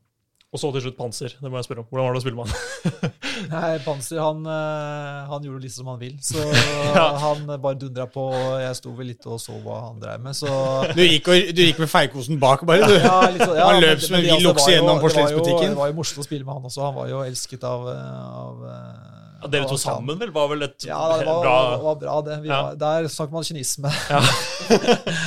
så ja, det, det, Det er, det, er, egentlig det du vil ha tilbake. Du vil ha tilbake Ja, ja. flere panserstoppere. Ja, i hvert fall at det var to stykker som klinker til litt. da. Ja, ja. Det vil jeg ha. Eh, igjen gå referere til eh, det italienske landslaget, hvordan de gutta der klarte seg bak. Og så gå opp mot Frode eh, Kippe på andre sida, på en måte. Ja, det kan du også si. Men, det er jo, men det er litt, jeg liker den, den typen. altså, En sto- stopper som klinker til litt. Altså. Mm. Og det, også Man kan snakke til hverandre, og man kan uh, guide hverandre litt. Og så kan man ta litt uh, dritt, og så, kan, så svarer du ikke tilbake. Du tar det etter kampen. og sånn. Det var litt sånn real, egentlig. Rett og slett. Det, det, det, det savner jeg litt. Men må- eh, I og med at du er inne på beste medspillere, da man kan du også kanskje prøve å føye på her eh, hvem som har vært vanskeligst å stoppe, kanskje. da. Ja, det er gøy. Enten på, Det kan være for så vidt medspillere på trening òg, men eh, enten noen du har spilt på lag med eller eh, mot. Det er mange som har spurt meg om det. Eh, det med Alle var enkle å stoppe. Nei, det var ikke det, men det var ingen som utpekte seg så veldig. Jeg husker Lyn hadde jo noen afrikanere som var ganske vanskelig å hanskes med da vi spilte disse storoppgjørene. Så Mm. eh, Igalo, Ja, ikke sant. Ja, Ja, mm. og det, det er jo stort sett afrikanere som er raske og hurtige og Mm. muskuløse. Eh, Så de har vært vanskelig å stoppe. Ja. Er, det, er det det som har vært på en måte Ja, men Det var liksom frykten, tror jeg. Å møte Ikke frykten, men det å møte var alltid en utfordring å møte raske spisser. Og så spilte jeg Da jeg spilte i Lyn, så møtte jo Jostein Flo. Det var helt håpløst. ikke sant? Mm. Det var krangla med han. ikke sant? Høye stoppere som ikke, nei, høye spisser som du ikke hadde sjanse til å vinne, Ja. vinne en hodeduell med. Så det også Men var hva gjør liksom- man da? Nei, det du, du bare, Plager den bare? Nei, du gjør ikke det. Du bør alibi og opphopp. Du klarer ikke å vinne den ballen likevel, så det blir bare, ser bare teit ut, egentlig. Ja. Så jeg husker jeg tapte Jeg tror jeg spilte i Lyn, tapte mot uh, Godset. Og han, han eh, var bare herja med oss, liksom. Det var helt, helt Du har vel sikkert møtt han uh, Tor Rogne Aarøy et par ganger òg? Ja, også, eh, ja da, så, han var ikke den kraftpluggen som uh, Jostein Flo var. Nei, nei. Og, eh, har vel møtt Håvard Flo også, tror jeg. Disse Mm. Flo-gutta, de er Ja. jo Så eh, Leie. Men du må igjen da være litt forkant. da, og Hvis du eh, står med lua i hånda litt sånn eh, redd for at dette går gærent, så går det gærent. Mm. Så, men eh, har møtt mange spillere. Ja, det er noe med det, ja. Jo juks da Årøy spilte i Japan. Det ble litt Ja, feige lag. han, eh, da, Eh, var han, eh, da var han konge. Men eh, ja, du nevnte å trøkke til. Vi må jo vi må nevne litt Vålerenga av Europa, som er i morgen, Ja. mot Gent. Eh, Og da ser jeg her, Kjetil, at i 2005, eh, da dere spilte mot Bruges, som Brokken sa i går, Ja. Klubb Bruges, så, så ble det jo 1-0 der og straffekonk. Da fikk du rødt kort, du. Ja, jeg gjorde det. Det- Eh, og det er liksom den der Champions League-historien til, eh, til Vålerenga er jo litt kul. Jeg tror Jeg var jo kaptein det året der. og Jeg Mm. husker at det, den første kampen vi spilte i Champions League-kvaliken, så var jeg kaptein. Og det var jo det første gang, tror jeg. Jeg tror vi spilte mot et finsk lag. tror jeg. Ja. Så, men jeg fikk, som du sier, vi var jo like før vi gikk inn i gruppespillet. Og så var vi, hadde vi Da spilte vi jo Da hadde vi Rekdal lagt opp til at vi spilte fem bak i Europacupen. Jeg spilte jo på ytre høyre. Ja, wingback, rett og slett. ja. Så og løp opp og ned der. Og det var ikke så mye opp, egentlig, for det var jo mest å forsvare seg. Men Mm. da fikk vi jo før kampen liksom fikk en, en advarsel av Rekdal. Liksom, pass på han spilleren som jeg krangla litt med. da. Ja. Og liksom holde det unna. Og det klarte jeg jo ikke. Så fikk jeg et helt latterlig rødt kort. Det var jo ikke rødt kort, Nei. men det var jo noe, tydeligvis noe slag som hadde blitt sett. Men det, det, det skjedde jo ikke. Men da eh, Da fikk jeg rødt kort, og eh, jeg fikk jo litt sånn kjeft etter den kampen der fordi at jeg ikke hadde oppført meg ordentlig. Men uh, de sto jo imot, de Mm. ti spillerne som spilte, og det var jo ikke Det var ikke din skyld det at var det ikke røyk, min skyld, Nei. men det blir jo litt sånn og lett å skylde på det. Ja. Freddy og Bernt kan bomme på straffe Ja. og sånne ting. Og det, men også det har vært det som har vært snakka om i ettertid, så det har vært greit. For Ja. det var ikke det røde kortet som gjorde at vi ikke gikk, gikk videre. Mm. Så, men, det, men jeg fikk rødt kort, ja, og det var ikke noe Jeg tror Rekdal sa at han må, han må lære, å, lære seg å oppføre seg egentlig etter Mm. kampen. Så det, det var litt sånn kjipt, selvfølgelig. Hadde du tatt straffespark, tror du, hvis du hadde vært på banen igjen? Nei, jeg tror ikke det, men jeg husker at jeg, jeg tok, da jeg var i mine ungdomsår, så tok jeg mye straffer. Ja, ja. Jeg spilte midtbane, og det var morsomt å leke med den ballen også. Eh, og så husker jeg eh, bomma på en straffe i om det var noe uoffisiell NM for eh, Var det Da spilte jeg vel Lyn, da. Og da, etter det tok jeg aldri mer straffe. Ja. Men så husker jeg vi hadde i cupen i Sverige mot uh, Djurgården, da var det endte med straffespark. Og da skulle jeg ta sånn nummer seks eller syv, da. Men da avgjorde jo Pontus Farnerud, så da slapp jeg det. Men da var jeg sånn veldig sånn avslappa til det. Ja, nå har jeg lyst til å ta straffe. Så Ja. det, eh, men sånn i ettertid var det kanskje greit at det ikke ble meg som skulle gå frem der. Så vi vant før, det, før jeg skulle ta straffe. Så det, Mm. Men jeg tror ikke jeg hadde tatt straffe der. Da. Var det finalen? Det var finalen med, Ja. med, Ja. med IFK Göteborg, ja. Det er fascinerende det med straffespark Ja, det er det. og hvem som skyter og ikke. Ja. Eh, Ja, vi så jo det nylig med Saka i, i EM. Eller ikke bare han, men eh, ja. Ja. Det er, eh, Ja, det er ikke bare å gå opp og skulle skyte straffe. Du sa Nei. du, Nei, du, altså, fikk, det- du, fikk, du fikk liksom mist, mista helt lysten etter Ja, å bomma i og da var jeg juniorspiller, liksom. Eller guttespiller. Ja. Og det er mange år altså, før man får muligheten igjen. Og jeg fikk aldri muligheten. Og det henger i. Det, er, det å ha en straffemiss henger i. Mm. Så, og da var jeg bare unggutten, egentlig.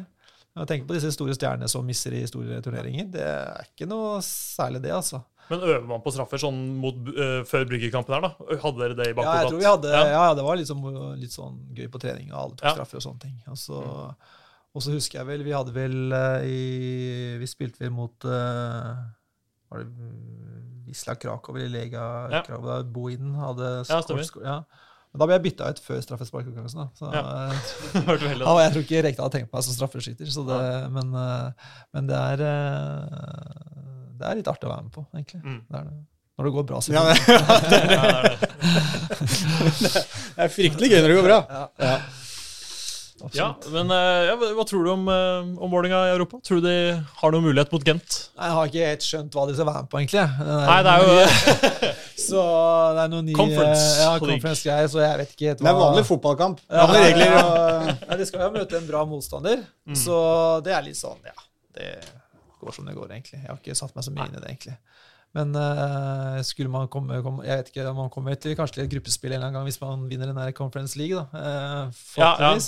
Så da blir det jo selvfølgelig morsomt å følge med. Akkurat nå så er jeg litt sånn Nei, det er så mye Ja. nye, nye greier. Det er jo tredje Europaligaen, på en måte. Ja, altså, det er jo ja, bak Europaligaen, liksom. Ja. Det er vel det som er ja, det er Champions League, Europaliga, og så er det denne conference Ja, League Hva skjer hvis de Kan de vinne Conference League? Eller går ja, de ja. videre? Det er- Og, og da går de Nei, nei, det er en egen, egen turnering. Egen turnering, ja. Ja, ja. Okay. Så de, de spiller vel kvalik for å komme seg inn der nå. Altså, de kommer aldri til Europaligaen. Nei, Da må du vinne Conference League, så kommer du da Hvis du vinner i Conference League, så får du da innpass i Europaligaen neste Ja, år. det er mye rart. ja, det er samme som når du vinner Europaligaen nå, da. Ja, Vinneren av den ja. får spille Champions League Ja. neste sesong. Men får man pokal når man vinner Conference League, eller? De har vel lagd en pokal? De har lagd en pokal, og de har lagd sang, og de har lagd alt mulig rart. altså, Så det er, det er jo akkurat sånn som Europaligaen. De har egentlig bare delt Europaligaen i to.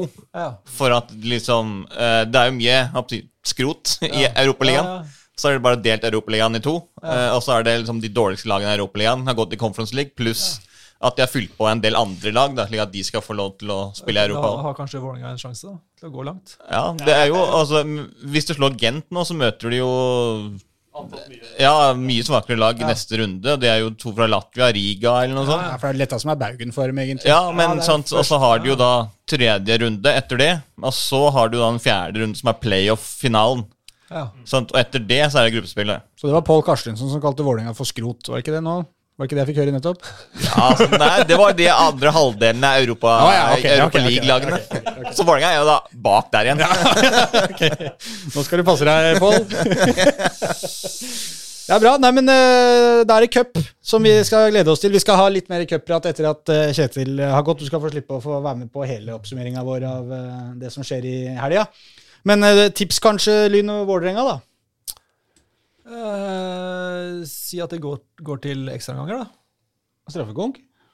Kanskje det. Det er morsomt. Det, er, det har vært stas. Er du på benken, eller?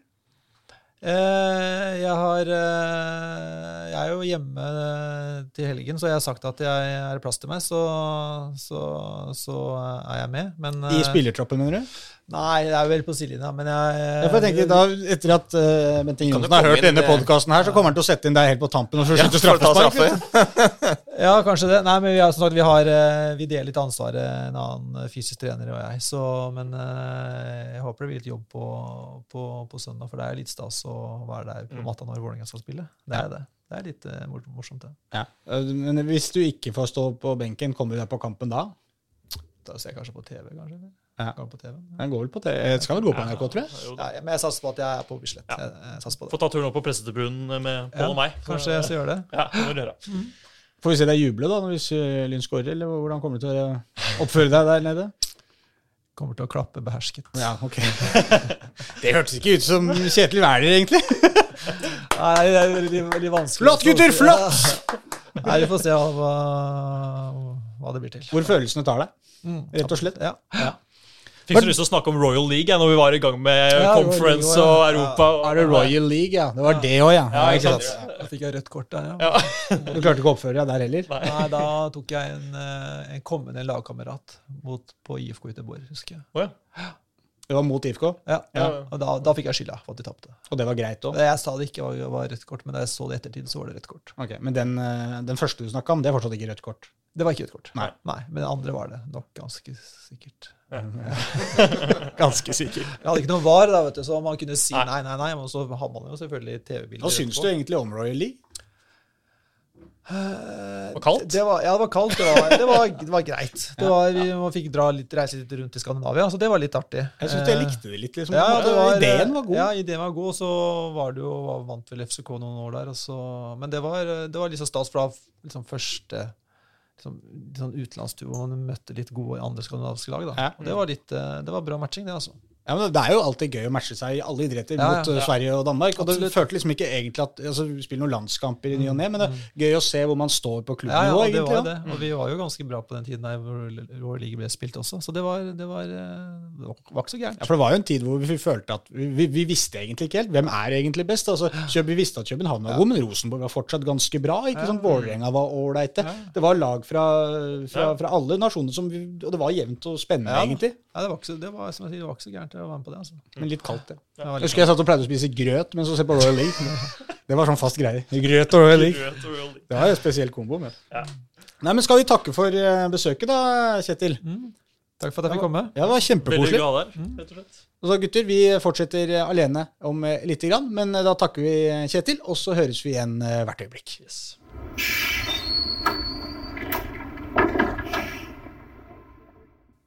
Sånn, da er eh, Kjetil eh, gått av trikken. Pål, du eh, har tatt det oppvarma setet til midtstopperkjempen. Jonas, du sitter med beina på setet som vanlig, som Ja. ungdommen gjør. Ja, Oslo-rampen Ja, vi, vi oppfører oss, vi ungdom, vet du. Med beina på, på bakken. på bakken. ja. Ikke okay. på bord her. Nei. All right! Vi skal prate om Vi har jo vært gjennom mye Lyn og Vålerenga nå, egentlig, men det er jo ikke de eneste kampene som spilles denne første cuprunden nå i helga. Vi kan, skal vi gå bare systematisk gjennom, Pål? Det liker jo du. Ja. Litt system i det. Det er greit, det. Skal vi da Vi, vi var innom Frigg eh, Koffa også så vidt, da, med, med Kjetil. Eh, og inne på litt kampbilde der og sånn. Det, det, det lukter jo eh, Koffa-dominans eh, lang vei her. Jeg er usikker på hva slags lag eh, Koffa kommer til å stille med der. Jeg tror nok Isnes kommer til å gjøre en del forandringer på det mm, førstelaget sitt. Dette kan fort bli et, et, et ganske sånn juniorprega lag fra Koffa, som tross alt spiller da i dag onsdag, når vi spiller inn.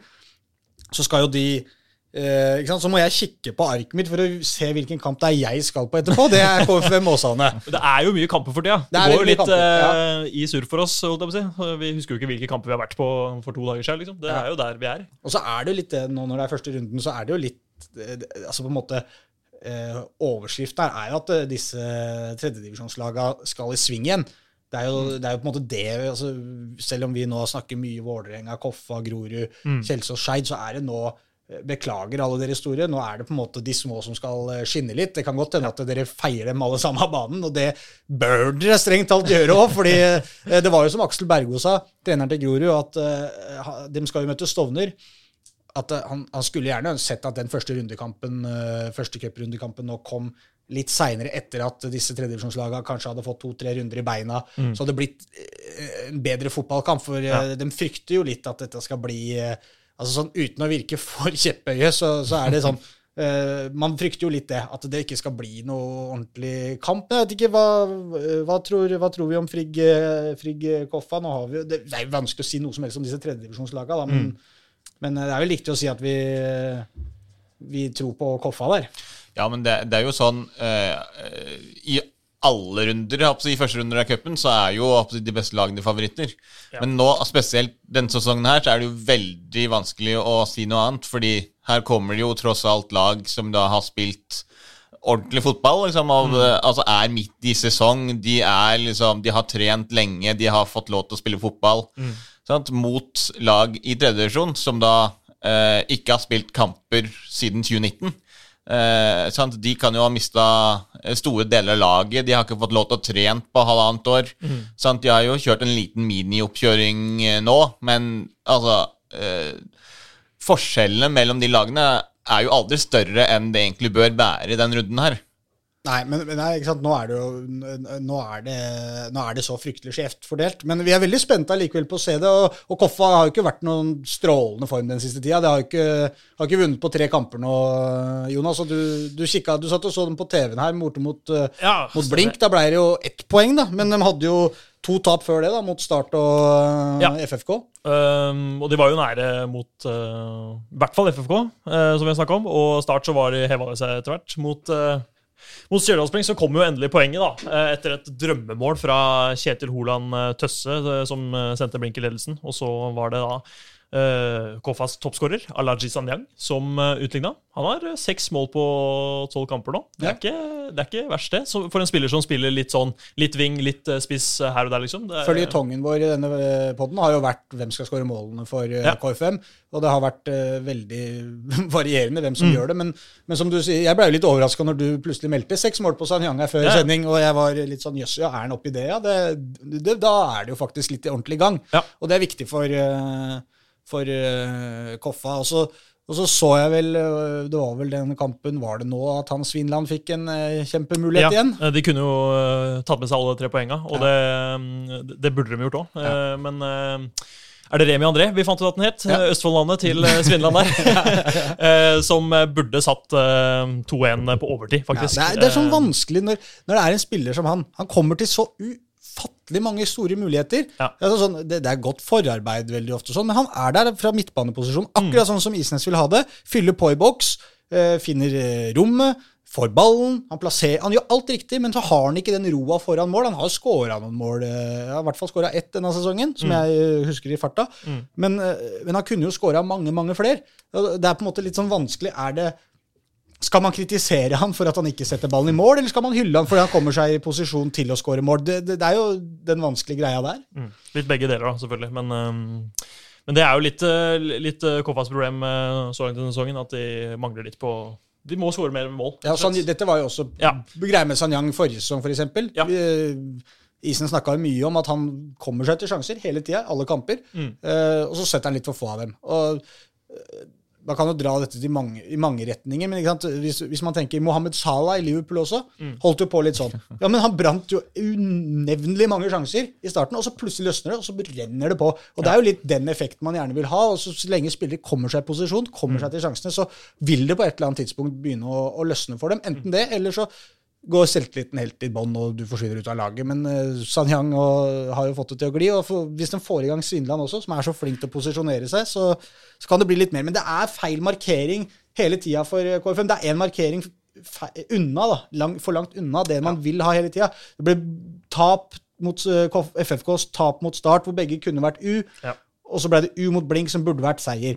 Så det er på en måte litt sånn Det er en litt trang og smal sti de er inne på akkurat nå, eh, Koffa. Så nå må speiderne finne fram kompasset og navigere seg tilbake til den store stien som leder til, eh, til tre poeng. David Tav- Tavakoli var tilbake fra start, forresten, eh, men ble byttet ut til pause. Da gikk Sanyang som spiss. Ja. Eh, og han har jo vært skada en liten periode nå. Og det, det er jo en spiller som de gjerne vil ha med seg framover. Den store, sterke spissen. Ja da, det, er jo Tavakoli har jo slitt, sliter jo ofte med kroppen, på en måte. Han er ute ut fra Og så er han knallbra når han er bra. Da er han Ja, men han har, det, er så, det er litt for sjelden at vi får se Ja. Tavakoli så god som han kan være. da. Det er jo bare Hvor lenge skal man håpe på at Ja. han finner ut av det? på en måte da? Det er det som er greia med han. Mm. For på sitt beste så holder han nivået. Mm. Skal vi ta, det, Dette er på lørdag. Frigg Koffa. Da spiller også Lokomotiv Oslo mot Kjelsås. Eh, Det er riktig det, Pål? Du Det er- nikker? Ja, det er korrekt, det. Det Klokka er du seks. som er leksikonet her, vet du. Klokka seks. Eh, igjen, Kjelsås. Eh, altså, det er vanskelig å vite om det kommer med fra Lokomotiv Oslo. For det, de har heller ikke spilt kamp på, på mange år. Kjelsås litt Det er en rar setning. Det er, de har ikke spilt på mange år. Det er, Det- ja, men de har jo ikke De har jo ikke det. er, helt, det, er, det er ikke feil, direkte feil. Det. Så iallfall ikke obligatoriske kamper, da. Eller altså, Det kommer litt an på hvordan vi eh, definerer mange, men, eh, Ja, det er akkurat det. Men mer enn ett. men i, fo i fotballsammenheng så er, det, så er det jo mange. Ja, Ja. men dette er jo, dette er jo gjennomgangsmelodien for uh, lagene her, da. At de har jo ikke fått spilt så mye. Men jeg lurer på, Lokomotiv Oslo, eh, spiller ikke de på samme bane som Frigg? Ja, De har gjort det, i hvert fall. Ja, Og så skal de spille samtidig? De spiller ikke samtidig, da. Klokka seks. og- Nei, den ene spiller klokka seks, den andre spiller klokka ett. Nei, så kanskje begge går der, da? Ja, det, det kan hende. det har ikke vi tenkt på. Da kunne vi du sendt én mann til Marienlyst, og så kan han ta begge. Ja, det er sant. Ja, Intern konflikt her. Ja. Men, Vi tar, vi tar redaksjonsmøte nå, eller? På lufta? Det, det er fint. Ja. men da satser vi på at det er på Frogner stadion, da. Uten at vi Nei, på Marienlyst, tror jeg. Marienlyst, ja. Det ja. er greit å sjekke det NRK. opp. NRK, ja. NRK. Det er greit å sjekke det opp før vi skal gå på kamp. Ja. Men Du skal jo på, du skal jo på den skal kampen, så du burde i hvert fall greie å sjekke deg deg Nå opp. det redaksjonsmøte nå, gutter. Det ble det. Kjelsås de spilte De vant 1-0. Knallsterk seier på lørdag mot uh, Egersund. Det var, eh, Egersund er jo en av de virkelig heteste opprykksfavorittene. og Dette Kjelsås-laget er jo ikke helt å bli uh, klok på. De slo Notodden 3-2 i forrige hjemmekamp, altså den før den. Og så spilte de 0-0 i en ganske kjedelig kamp, plutselig. Altså, altså, de har jo spilt egentlig veldig underholdende og gode fotballkamper hele sesongen, Kjelsås, mens den Nardo-kampen var et lite steg tilbake, og så slår de Eh, Egersund her. Jakob eh, Hanstad skåra sitt første. Er ikke dette litt sånn vi kjenner til Kjelsås? Eh, tradisjons... eh, ri- eh, tradisjonelt, heter det. ja, jo, ja Jeg veit ikke. Ja og nei. Ja, Denne sesongen Ja. så har dette vært Kjelsås, på Ja, en det er måte. Eh, men stort sett så føler jeg jo at de har fått for dårlig betalt. da. Mm. Nå vet jeg ikke, var, det som, eh, var det noen som kikka på denne kampen her, eller? eller er ingen av Det var vel vår mann eh, Jørn, da. Det var Jørn, ja. Jørn var der, ja. Som, ja. eh, Hei, Jørn. som så den. Ja. Men, men det er jo ofte litt sånn Ja, det er litt sånn med, med Kjelsås, i hvert fall i denne saken her. De skaper mye. Får mye, mange sjanser. Uh, slipper inn billige mål.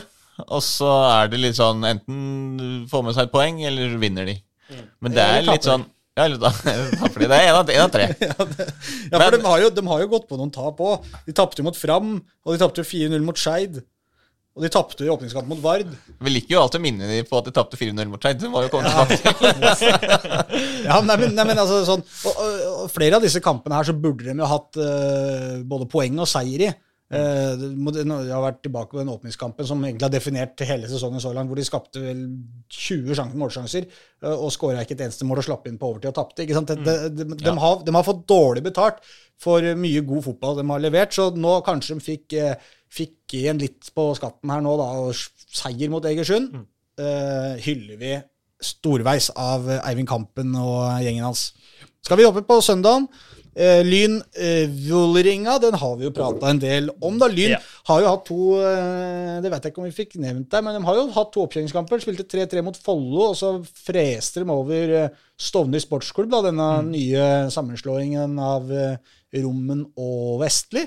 Ja. Som jo ennå ikke har spilt en offisiell kamp, men det kan vi jo komme tilbake til, for de skal møte Grorud. Vi kan ta eh, Lyn Vålerenga eh, aller først. Vålerenga de kommer da fra eh, Belgia? Ja, de kommer, jo først fra Belgia, fra Belgia. Da, men eh, i serien nå Ja. sist, for å ta det vi har sett. Det var uh, vel årsverste. Uh, Vålinga borte mot Haugesund. Det var fryktelig. Det var så dårlig. Det var elendig. Det var, ja, det var det det var. Jeg- Vi så den jo begge to, Håkon. Ja. Du for TV 2, jeg for Dagsavisen. ja, ja, ja, men, men også, eh, det var jo et poeng der med Du tenker Aron Dønnum. Nå, dette er siste kampen. Det, det satt jo flere Ja. og tenkte, og Ja. det viste seg at det stemmer. Ja, vi tror Ja, eller Ja, det er vel det. mer eller mindre i boksen, er det ikke det? Jo. Jo, han eh, dro jo ned i dag med et separat eh, fly. Tok ikke det samme flyet som resten av Vålerenga-folka til selv, om, Belgia. selv om destinasjonen var den samme, eller landet var det Ja, samme. ja, landet var det samme. Han dro jo inn og tok en snartur innom Liège Ja. for å skrive under eh, og gjennomføre de siste overgangene der. Før han da skal spille for, for Vålerenga mot Gent. Eh, og det er jo som, altså Han skårer jo på straffespark, og du tenker at ja, ja, det er fint det, liksom, å gi ledelsen, og nå skal liksom endelig skåre sånn og sånn. Ja. Og så kollapser de bare totalt. Ja, Men det var, men det eh, som er rart med Dønnum i den kampen det, er så- eller som jeg var inne på, vi, kan- vi snakker om dette er gressbane. Vålerenga har tapt eh, jeg tror det er tre av de fire siste åra. Så har de tapt i Haugesund. Ja. Eh, de sliter alltid der. Eh, og de sliter stort sett på gress. Eh, og, men så tenker jeg Dønnum skal ut i Europa og spille. Det er jo gress. Det er gress overalt. Ja, ja, ja. Jeg, jeg, jeg satt liksom og tenkte at dette, dette er det du skal spille på. Og så Ja. det jo helt altså Ikke bare han skal ikke legge dette Nei. på Dønnum, for Vålerenga var dårlig fra topp til bunn der. Ja. Men, eh, men allikevel så satt du og tenkte litt sånn ja, er, er, du, er du best på kunstgress, kanskje, Aron? Vi vet ikke, da. Men, eh, men det, jeg syns det var eh, altså, Kan jo selvfølgelig hende han har det i bakhuet at eh, han skal vekk, og litt forsiktig, pass på ikke å bli skada nå, disse tinga her. da, Det kan godt hende at han har litt det i bakhuet òg, men det er ikke noen unnskyldning for resten av Vålerenga, for, for å hoppe litt frem og tilbake mellom de to. Nei, men altså, jeg syns jo ikke bare det var Aron som var dårlig. Altså, Henrik, Nei. Henrik Udal var jo usynlig. Uh, Lajoni er som vanlig, holdt jeg på å si. Uh, det har det jo blitt nå. Uh, Altfor forutsigbar på venstrekanten. Uh, Sarawi prøvde, men han, han hadde ikke dagen i det hele tatt. Altså, da han prøvde seg med sine finter og, og, og gå forbi ledd, da. Det sleit han veldig med. Henrik Bjørlo hadde, fikk en veldig sånn dårlig kamp i forhold til det han har vært de siste tre-fire. Hvor han har vært eh, eh, hva heter det, oppadstormende. Altså på Oppadgående. oppadgående. Eh, og ja, og som vi snakka med Kje- Kjetil om i stad, eh, Forsvaret var eh, Det var Ja, det verste. igjen, det var jo litt Ja. sånn kopi av mye av det Lillestrøm Ja, det var det. eh, gjorde. Det var, det, var jo ikke forsvar der. Og det må vi ta eh, først. Fordi det første målet de slipper inn, er jo eh, etter at de har hatt en offensiv corner og eh, setter opp masse folk. Og så blir de kontra i senk. Mm. Hvorfor sender de opp så mange folk rett etter ledelsen? Nei, det, det er vel fordi du har lyst til å doble den, da. Jo, jo, jo, det er klart det, men eh, det var jo så offensivt òg. Altså, Ja da. Ja, det hadde vel bare én mann igjen da pasninga til eh, Nå husker jeg ikke hvilken Haugesund-spiller det var, eh, men, men det var mye rom bak der, i hvert fall. På Det første målet. På Haugesunds første mål, Ja, ja. Grigor, ja. Ja, ja, nemlig. Ja, og så Ja. kommer jo Waji eh, Det, det der målet hvor han danser seg gjennom alt alt der, det er, jo, det er jo glimrende gjort av Waji, men det er fryktelig puslete av Vålerenga. Altså. og, ja, Passivt. Ja, passivt, ja. og dårlig keeperspill, syns jeg. Ja. Eh, ja, men det er eh, passivt, det òg. Ja, Han jo. tør ikke helt, og Tolle står, og Ja. ingen, ingen veit helt hva de skal gjøre. Og så ser det ut som de er mer redd for at det skal bli straffespark, og tenker at eh, han kommer seg vel ikke ut av dette her. Og det er jo for så- vidt en ålreit tanke, at man tenker at eh, Claesson tar den kanskje, eller eh, Men altså, han ville ha det målet, mens det. Vålerenga var litt sånn Hvem tar ansvar her? Alle så Ja. hverandre. hverandre. Hvis alle tenker det, så blir det jo sånn. ja. Men, eh, men råstart er Waji, da. Det han skal ha. Det var en, altså en, en god scoring, men for all del, det hadde gått an å, å demme opp for dette her. Og Fagermo var jo ikke nådig, han heller. etterpå. Han Nei, dette og det, er, var, eh, og det er bra at han ikke var fornøyd med ja, dette. og dette var du litt inne på i praten med, med Werner også. Ja. Ja. Så, så dere har fått, uh, Ja. fått litt uh, om eh, forsvaret til Men helt til slutt så må vi Ja. bare si at det lukter jo ikke Premier League av keeperspillet til Claesson for tida. Nei. Eh, Det, I hvert fall ikke på Premier League av overgangen til Claesson heller. Nei. Det gjør det heller ikke. Så Det er bare å sjekke ut eh, Pauls eh, eminente sak på dagsavisen.no om Ja, ja. hvorfor Kristoffer Claesson kan slite med å komme seg til men det eh, kan jo være bra for England. Vålerenga, da. Det kan det. Ja, eller kan Hvis de beholder den, da. Ja, Ja. De vil jo beholde den. hvis- jo, det er klart det. det er men, keeperen, men når han står altså det, han har ikke vært noe god i det siste, jeg er enig i det. da. Nei, eh, det, og det er jo han som pleier å være så rå Kjetil Haug, i eller? feltet. Kjetil Haug. Ja. Ikke nå kanskje i Belgia, men uh, oh, ja. spiller nok Lynkampen. Ja, det gjør han nok. Det gjør han. Der, Det, der står det vil jeg nok tro. Ja. Men på den corneren uh, så er det jo merkelig at den blir Altså, han blir jo uh, dytta inn i mål. Eh, altså det Ja, men så er det vanskelig å si. Er, blir han, blir han Wajid dratt inn av Adekugbe, og de, altså er det selvforskyldt hele opplegget der? Hvis det er vanskelig å se. egentlig. Men det er jo et sånt mål du ikke skal slippe inn. Altså, Nei, selvfølgelig. Ja, ja, ja. Altså, det er jo Det så jo ut som Lillestrøm i glansdagene, for så vidt, da, den skåringa. ja, det kan jeg si. Ja. Klassisk Lillestrøm-goal. Liksom. Jævla god på det Bare ramle inn uh, scoring. Det Men uh, eh, Bislett, som vi var inne på, det spilles på Søndag. Ja, Og på 16. hva slags underlag? Gress. Gress. Det blir spennende. Ja, det blir eh, klar klink lyn-seier. Det, er- det kan det bli. Nei, ja Det kan bli, Det Pål. kan bli Det kan også Nå har du bli akkurat sittet og sagt at cup er cup. eh, Med Ballen er rund. Ballen er rund og det greiene der. Ja, det, Bortsett fra den i Var det i 2002 i Sør-Korea? Den var litt oval. Ja, det var oval. Da fikk den veldig eh, lei skru i Ja. bua. Veldig sånn Flakka. badeballaktig Ja, følelse. ja, ja. Så Veldig ballen er ikke alltid rund. Nei, stort sett. Stort sett ja. Oppsal-Skeid det er en kamp som jeg virkelig gleder meg til på søndag. Det er kanskje den jeg gleder meg mest til, sammen med ja, altså dere som er i Vålerenga-folk og sånn. Dere liker sikkert det, men, men Oppsal-Skeid er min match på, eh, på søndag. Altså, fordi, Ja, bra at du skal ha land. Pokkervoll da, for å feire navnefest og ikke er her. Ja, jeg skal se en fra Mosjøen. jeg prøvde å sjekke om Mosjøen skulle spille noen cup, men det var ikke noe, han hadde ikke noe lag der nå. Men, men det blir gøy å se. Men det er jo. Bent Inge Johnsen, da. Han er jo fra Mosjøen, så han ja. får heie litt på han, da. Ja. Ja. Det. Men, men det, er, det er virkelig en gøy kamp. For, der, for der kan det liksom også være litt, litt sånn som Kanskje ikke helt på samme måte som Lyn Vålerenga, men altså, det kan smelle fra begge leirer. da Ja, det er to, dette er to sånn eh, Dette er to klubb, klubber. Nå er det litt på østkanten, dette er klubber. Klubba. Oppsal og Skeid. Jeg ble en Toten plutselig, da. Oppsal og Skeid.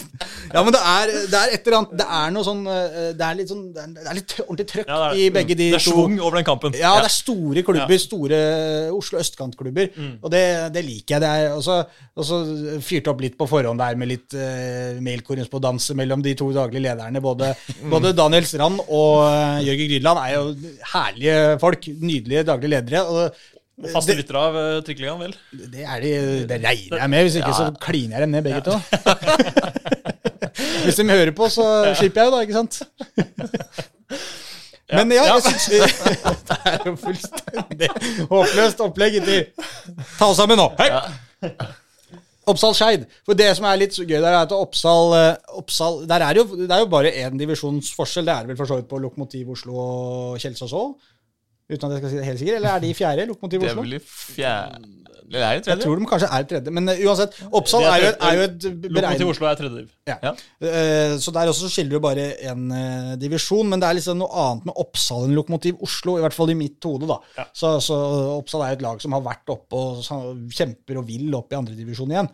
Så, så her tror jeg det kan bli uh, litt ordentlig fyring. Aner selvfølgelig ikke hva Oppsal heller stiller med, og dem, hvordan de ser ut, men, eh, men vi kan jo snakke om Skeid. De har vi jo sett.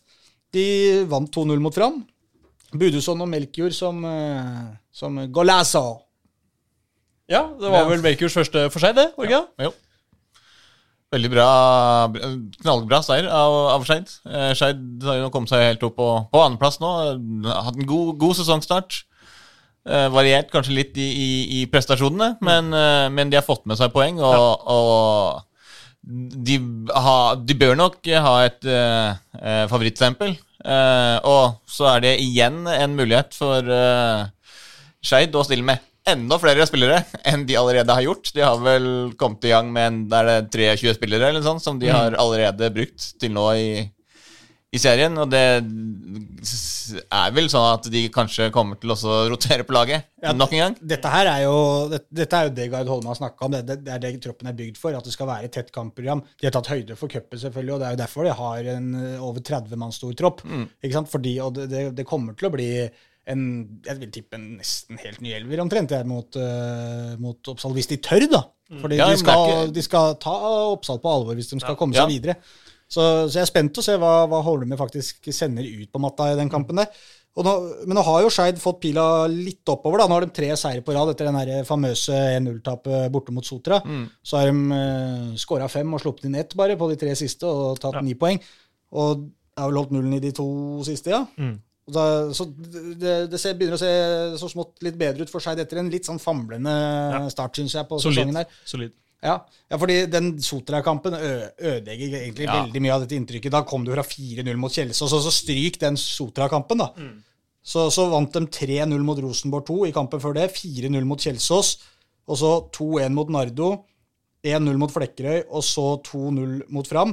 Den rekka er jo glimrende. Mens, Ja. eh, den, så, men inni der, da, som jeg hoppa over nå, så ligger da 1-0-tap borte mot Sotra, som, som har egentlig satt eh, stagnert dem litt, da. Men som vi så, Kjelsås øh, slo Egersund, og det er, det er lenge igjen allerede. Og som du sier, de er på andreplass nå. Så, Ja, det er akkurat det. så Altså, hadde det ikke vært for den, eh, den kampen mot Sotra, så hadde det jo vært ett poeng bak Arendal, som folk mener liksom har vært helt suverene. Sant? Så eh, nå, nå er det jo fire poeng, men sant, det er jo lenge igjen av sesongen, så det Skeid Altså, har fått en oppadgående eh, trend. De er der de skal være. Altså, De er jo på skuddhold. De vil jo kjempe om de to øversteplassene. Så det kan bli interessant, men de skal ikke ta lett på, på Oppsal. Altså, selv om igjen Oppsal heller ikke har spilt kamp på, på flere år, så, så er det et lag som eh, De kan overraske. Ja. Og spesielt altså, Skeid er ikke så gode at de skal liksom komme hit og tro at de skal valse over Oppsal på bortebane. Det blir spennende. Ja, uh, Siste kampen uh, vi kommer til å følge, uh, er Stovner sportsklubb mot Grorud. Og dette er jo da aller første offisielle kamp for Stovner, Stovner sportsklubb. Det blir moro. Som vi var inne på, de spilte jo da De tapte 5-1, var det vel de gjorde da, som vi fikk opplyst her av Kjetil, øh, mot Lyn. Det, det er vel det eneste jeg egentlig har fått med meg av resultater. Det er ikke så lett å få med seg alle disse de, de, de har jo noen oppkjøringskamper nå, men det er ikke så veldig lett å få med seg alle disse resultatene til, til forskjellige lag.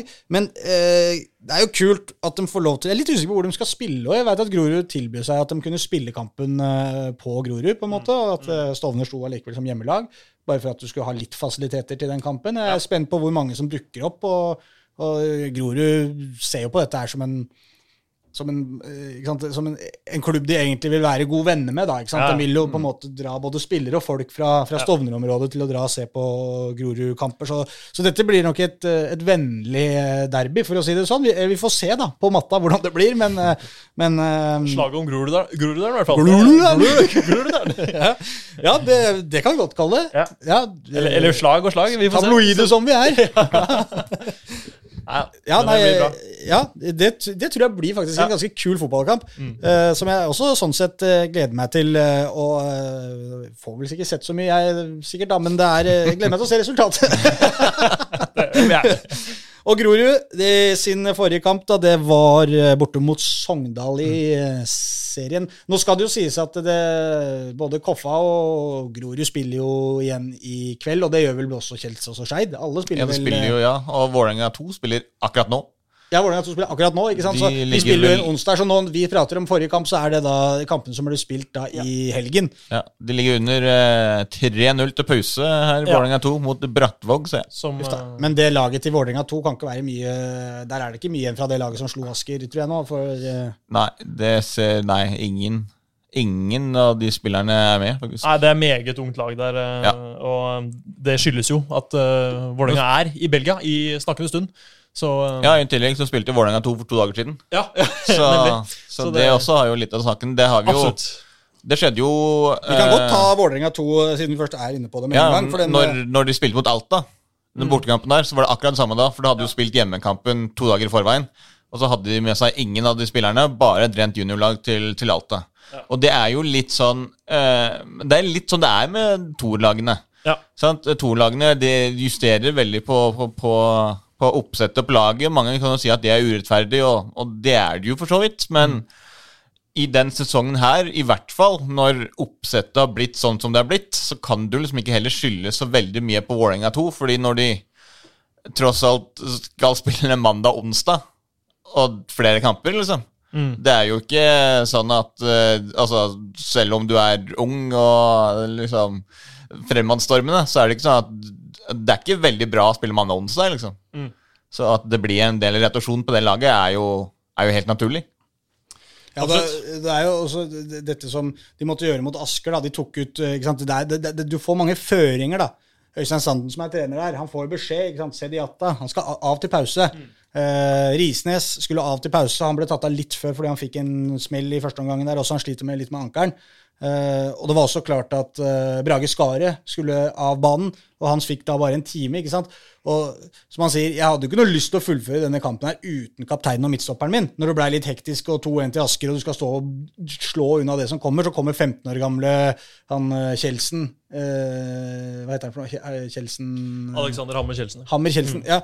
Ikke sant, Så kommer 15-åring inn som skal stange unna mot et, uh, en opprykksfavoritt og et voksent Askelag. Ja. Uh, enormt imponerende at de da klarte å, å stå imot og ta tre poeng i den kampen der. Og eh, Øystein Sanden sa jo også etterpå at dette er jo litt greia til Vålerenga 2. Han sa at vi måtte gjøre det samme mot Hødd. Da leda vi 1-0 til pause, tapte 3-1. Samme mot Bærum, da leda vi vel 2-1, og så røyk vi 3-2. Og mot Kvikk Halden klarte vi 1-1, og så klarte de å ta skarpen til Asker nå. Så selv om det ser ut som det kanskje går litt trått i Brattvåg eh, denne onsdagen, så, så har det allikevel vært en veldig oppløftende sesongstart for uh, Vålerenga 2. Absolutt.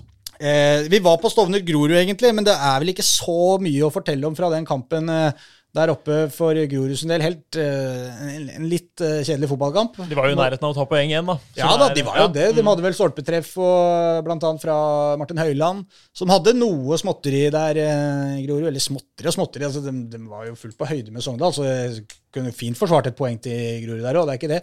Men, men det blei tap, og det ser, begynner å se litt tyngre ut for Grorud nå, som i kveld skal ut mot Ullkisa. Ullkisa. Det er viktig kamp. Det er en veldig viktig kamp. Men det er jo liksom øh, å si, I det mantraet som jo vi alltid sier om, øh, om Grorud, er at de liksom De skal være inne i kampene og ha en mulighet til å ta poeng.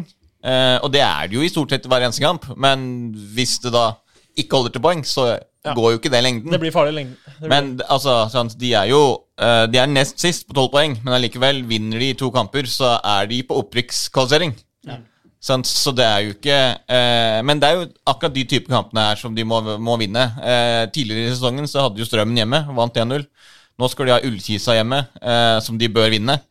Det er liksom de, altså det er de kampene her som blir de viktigste av kampene å vinne. For det er liksom eh, at Grorud må ikke vinne alle kampene. De må bare vinne nok og ta nok poeng til ikke rykke ned.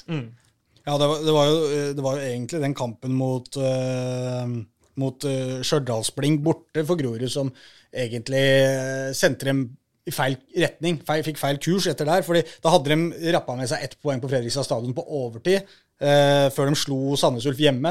Og så, eh, etter det Sandnes Ulf-seieren, så tenkte i hvert fall jeg og flere jeg prata med på Grorud, at eh, ok, bare ikke tape nå mot Blink, så, så sitter vi ganske fint i det. Og så reiser de opp der og får juling, og da plutselig så ser jeg ikke sant, Så tapte de 2-1 mot Ålesund, og så taper de 1-0 mot eh, Sogndal. Ikke sant? De er jo med hele veien. De blir ikke overkjørt. De har, spilt seg, altså, de har spilt såpass godt at de kunne tatt poeng i flere av disse kampene, men nå begynner, som du sier, Pål, poengene, eh, ikke sant, markeringene her også, å tippe hele tida litt i feil retning. En uavgjort kamp blir et tap, og, og en seier, eh, en kamp de egentlig kunne vunnet, blir til uavgjorter. Så i dag mot Ullkisa så blir det spennende å se ja. hvor, hvor det bærer. Gutter! Vi må helt på tampen eh, ha maskotoppdatering. Vi kan bare nevne først at eh, øvrig opprør, oppgjør, Alltid når jeg skal ha maskotoppdatering, så er det for tidlig. Det er ett eller annet jeg har glemt. øvrig oppgjør i Oslo-fotballen eh, i første runde i cupen. Da Ja. har vi Reddy Grei, Nordstrand Bærum og Ullern Asker. Sånn, det var det. Maskot! Maskott er gøy. Nå gleder du deg. Nå gleder jeg meg. Eller gleder meg, gleder meg. Vi må først rette opp i alle feilene vi har gjort. Ja, altså, stort sett dine feil. da. Ja, ja, ja. Ja, ja. Vi står ikke sammen i denne redaksjonen, i hvert fall. Det skal dere vite der ute. Altså, Hvis vi gjør det bra, så står vi sammen. Hvis vi, Ja. noen som gjør noe feil, så er det Håkons Vi finner en syndebukk, Ja, det, det er klart. Ja, Hva er oppdateringa? Det er, vi må, hvor hvor vil dere først? Vil dere til uh, maskotten på, til Kjelsås, eller vil dere til maskotten til Jeg vil på Grorud med en gang. Grorud er ja. Grorud først? Ja. Ok.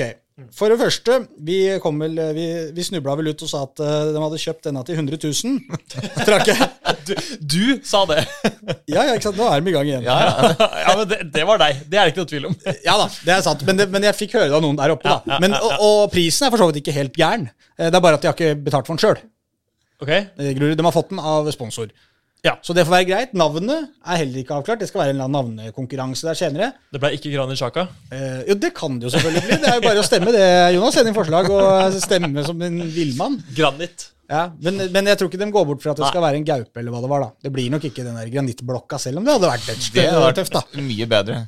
Men eh, eh, i og med at vi surra det til da, med dette her, så har vi fått en utfordring fra Grorud, nemlig. Og det er at eh, de vil at en av oss Ikke nødvendigvis oss tre som sitter her nå, men en av oss her i sportsredaksjonen i Dagsavisen skal eh, sikkert fortrinnsvis Reidar Solli, da, men eh, vi får se. eh, skal inn i denne maskoten når den skal debutere på, eh, på Grorud eh, kunstgressmatte som, eh, som stemningsskaper. Det, og det sa jeg jo vel egentlig Vi måtte bare legge oss flat selvfølgelig og ta på oss den oppgaven. Eh, hvordan vi skal gjøre dette her, det er jeg litt usikker på. Om det skal være en slags premie eller en taperpremie, er jeg også usikker på. For eh, noen av oss har litt lyst. Mens andre, Pål, har ikke så lyst. Så jeg foreslår bare at eh, vi Dette tar nok fortsatt en liten stund til før den er på plass, men jeg foreslår at hvis det er noen som hører på, som har noen gode forslag på hvordan vi skal avgjøre hvem som skal uh, få æren Ja, si. av å bære dette Grorud-maskotkostymet på uh, åpningskampen, eh, send oss en melding på eh, Twitter, Ja. på Trikkeligaen. Eh, Kan legge ut en egen post om det her. Og så det kan vi også gjøre. Ja, eller bare så- send oss en privatmelding. Ja, ja, det går ja. også fint. Eller på Facebook. Det går også an. Vi er der også. Eller mail. Eller du kan ringe til Pål Karstensen, selvfølgelig. Ja, Han er alltid på telefon. ja, Jeg drar til Mosjøen, så jeg skrur av nå. Men eh, Ja, så det var Grorud. Ja. Maskotoppdatering fra Grorud. Kjelsås, da? Kjelsås, der, der Husker dere hva slags dyr jeg sa det var? Eh, Nei, men han var blå, i hvert fall. Ja, han var blå. det var bjørneaktig Ja, jeg vet at det var en bjørn. var det? Men det blir kanskje avslørt her på at jeg er fra Oslo, og ikke har så god kjennskap til dyr. Fordi dette Ellers er det bare en elendig maskot. Men, men nei, nå skal ikke jeg kritisere mer, for da får vi bare mer. Og vi, vi må legge ned denne maratonspalten snart. Så vi får håpe at vi treffer på alt nå, og så er det ikke mer maratonprat før den der Grorud-saken dukker opp. Men det var altså en katt. Eller for å, jeg fikk melding da her fra assistenttrener i Kjelsås. Viktig presisering fra Grefsen stadion, ref. maskotdiskusjonen i forrige trikkeliga-episode. Det er en katt! og så kommer det beste, og, fordi navnet er faktisk ganske solid. Okay. Den heter selvfølgelig Karlsson på taket.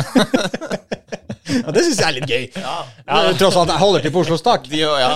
Det, Men nå er vel ikke Karlsson en katt, kanskje, da. Men allikevel, eh, jeg applauderer navnet. Nydelig, Eh, Og så har vi fått oppklart da at det var en Jonas. En katt, ja. Jo, Pål. Katt. Det var katt, det var ikke bjørn. Nei. Nei, følg med!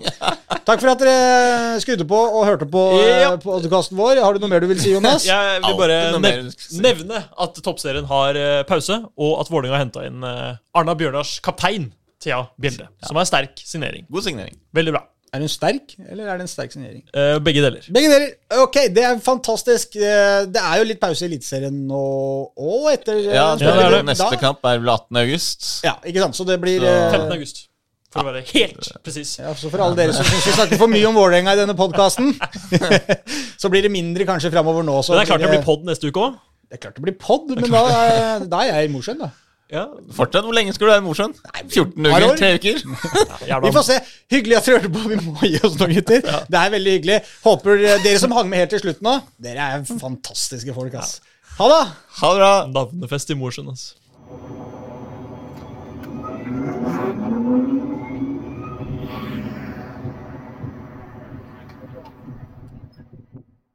Du har hørt en podkast fra Dagsavisen. Ansvarlig redaktør heter Andreas Heen Haaland Karlsen.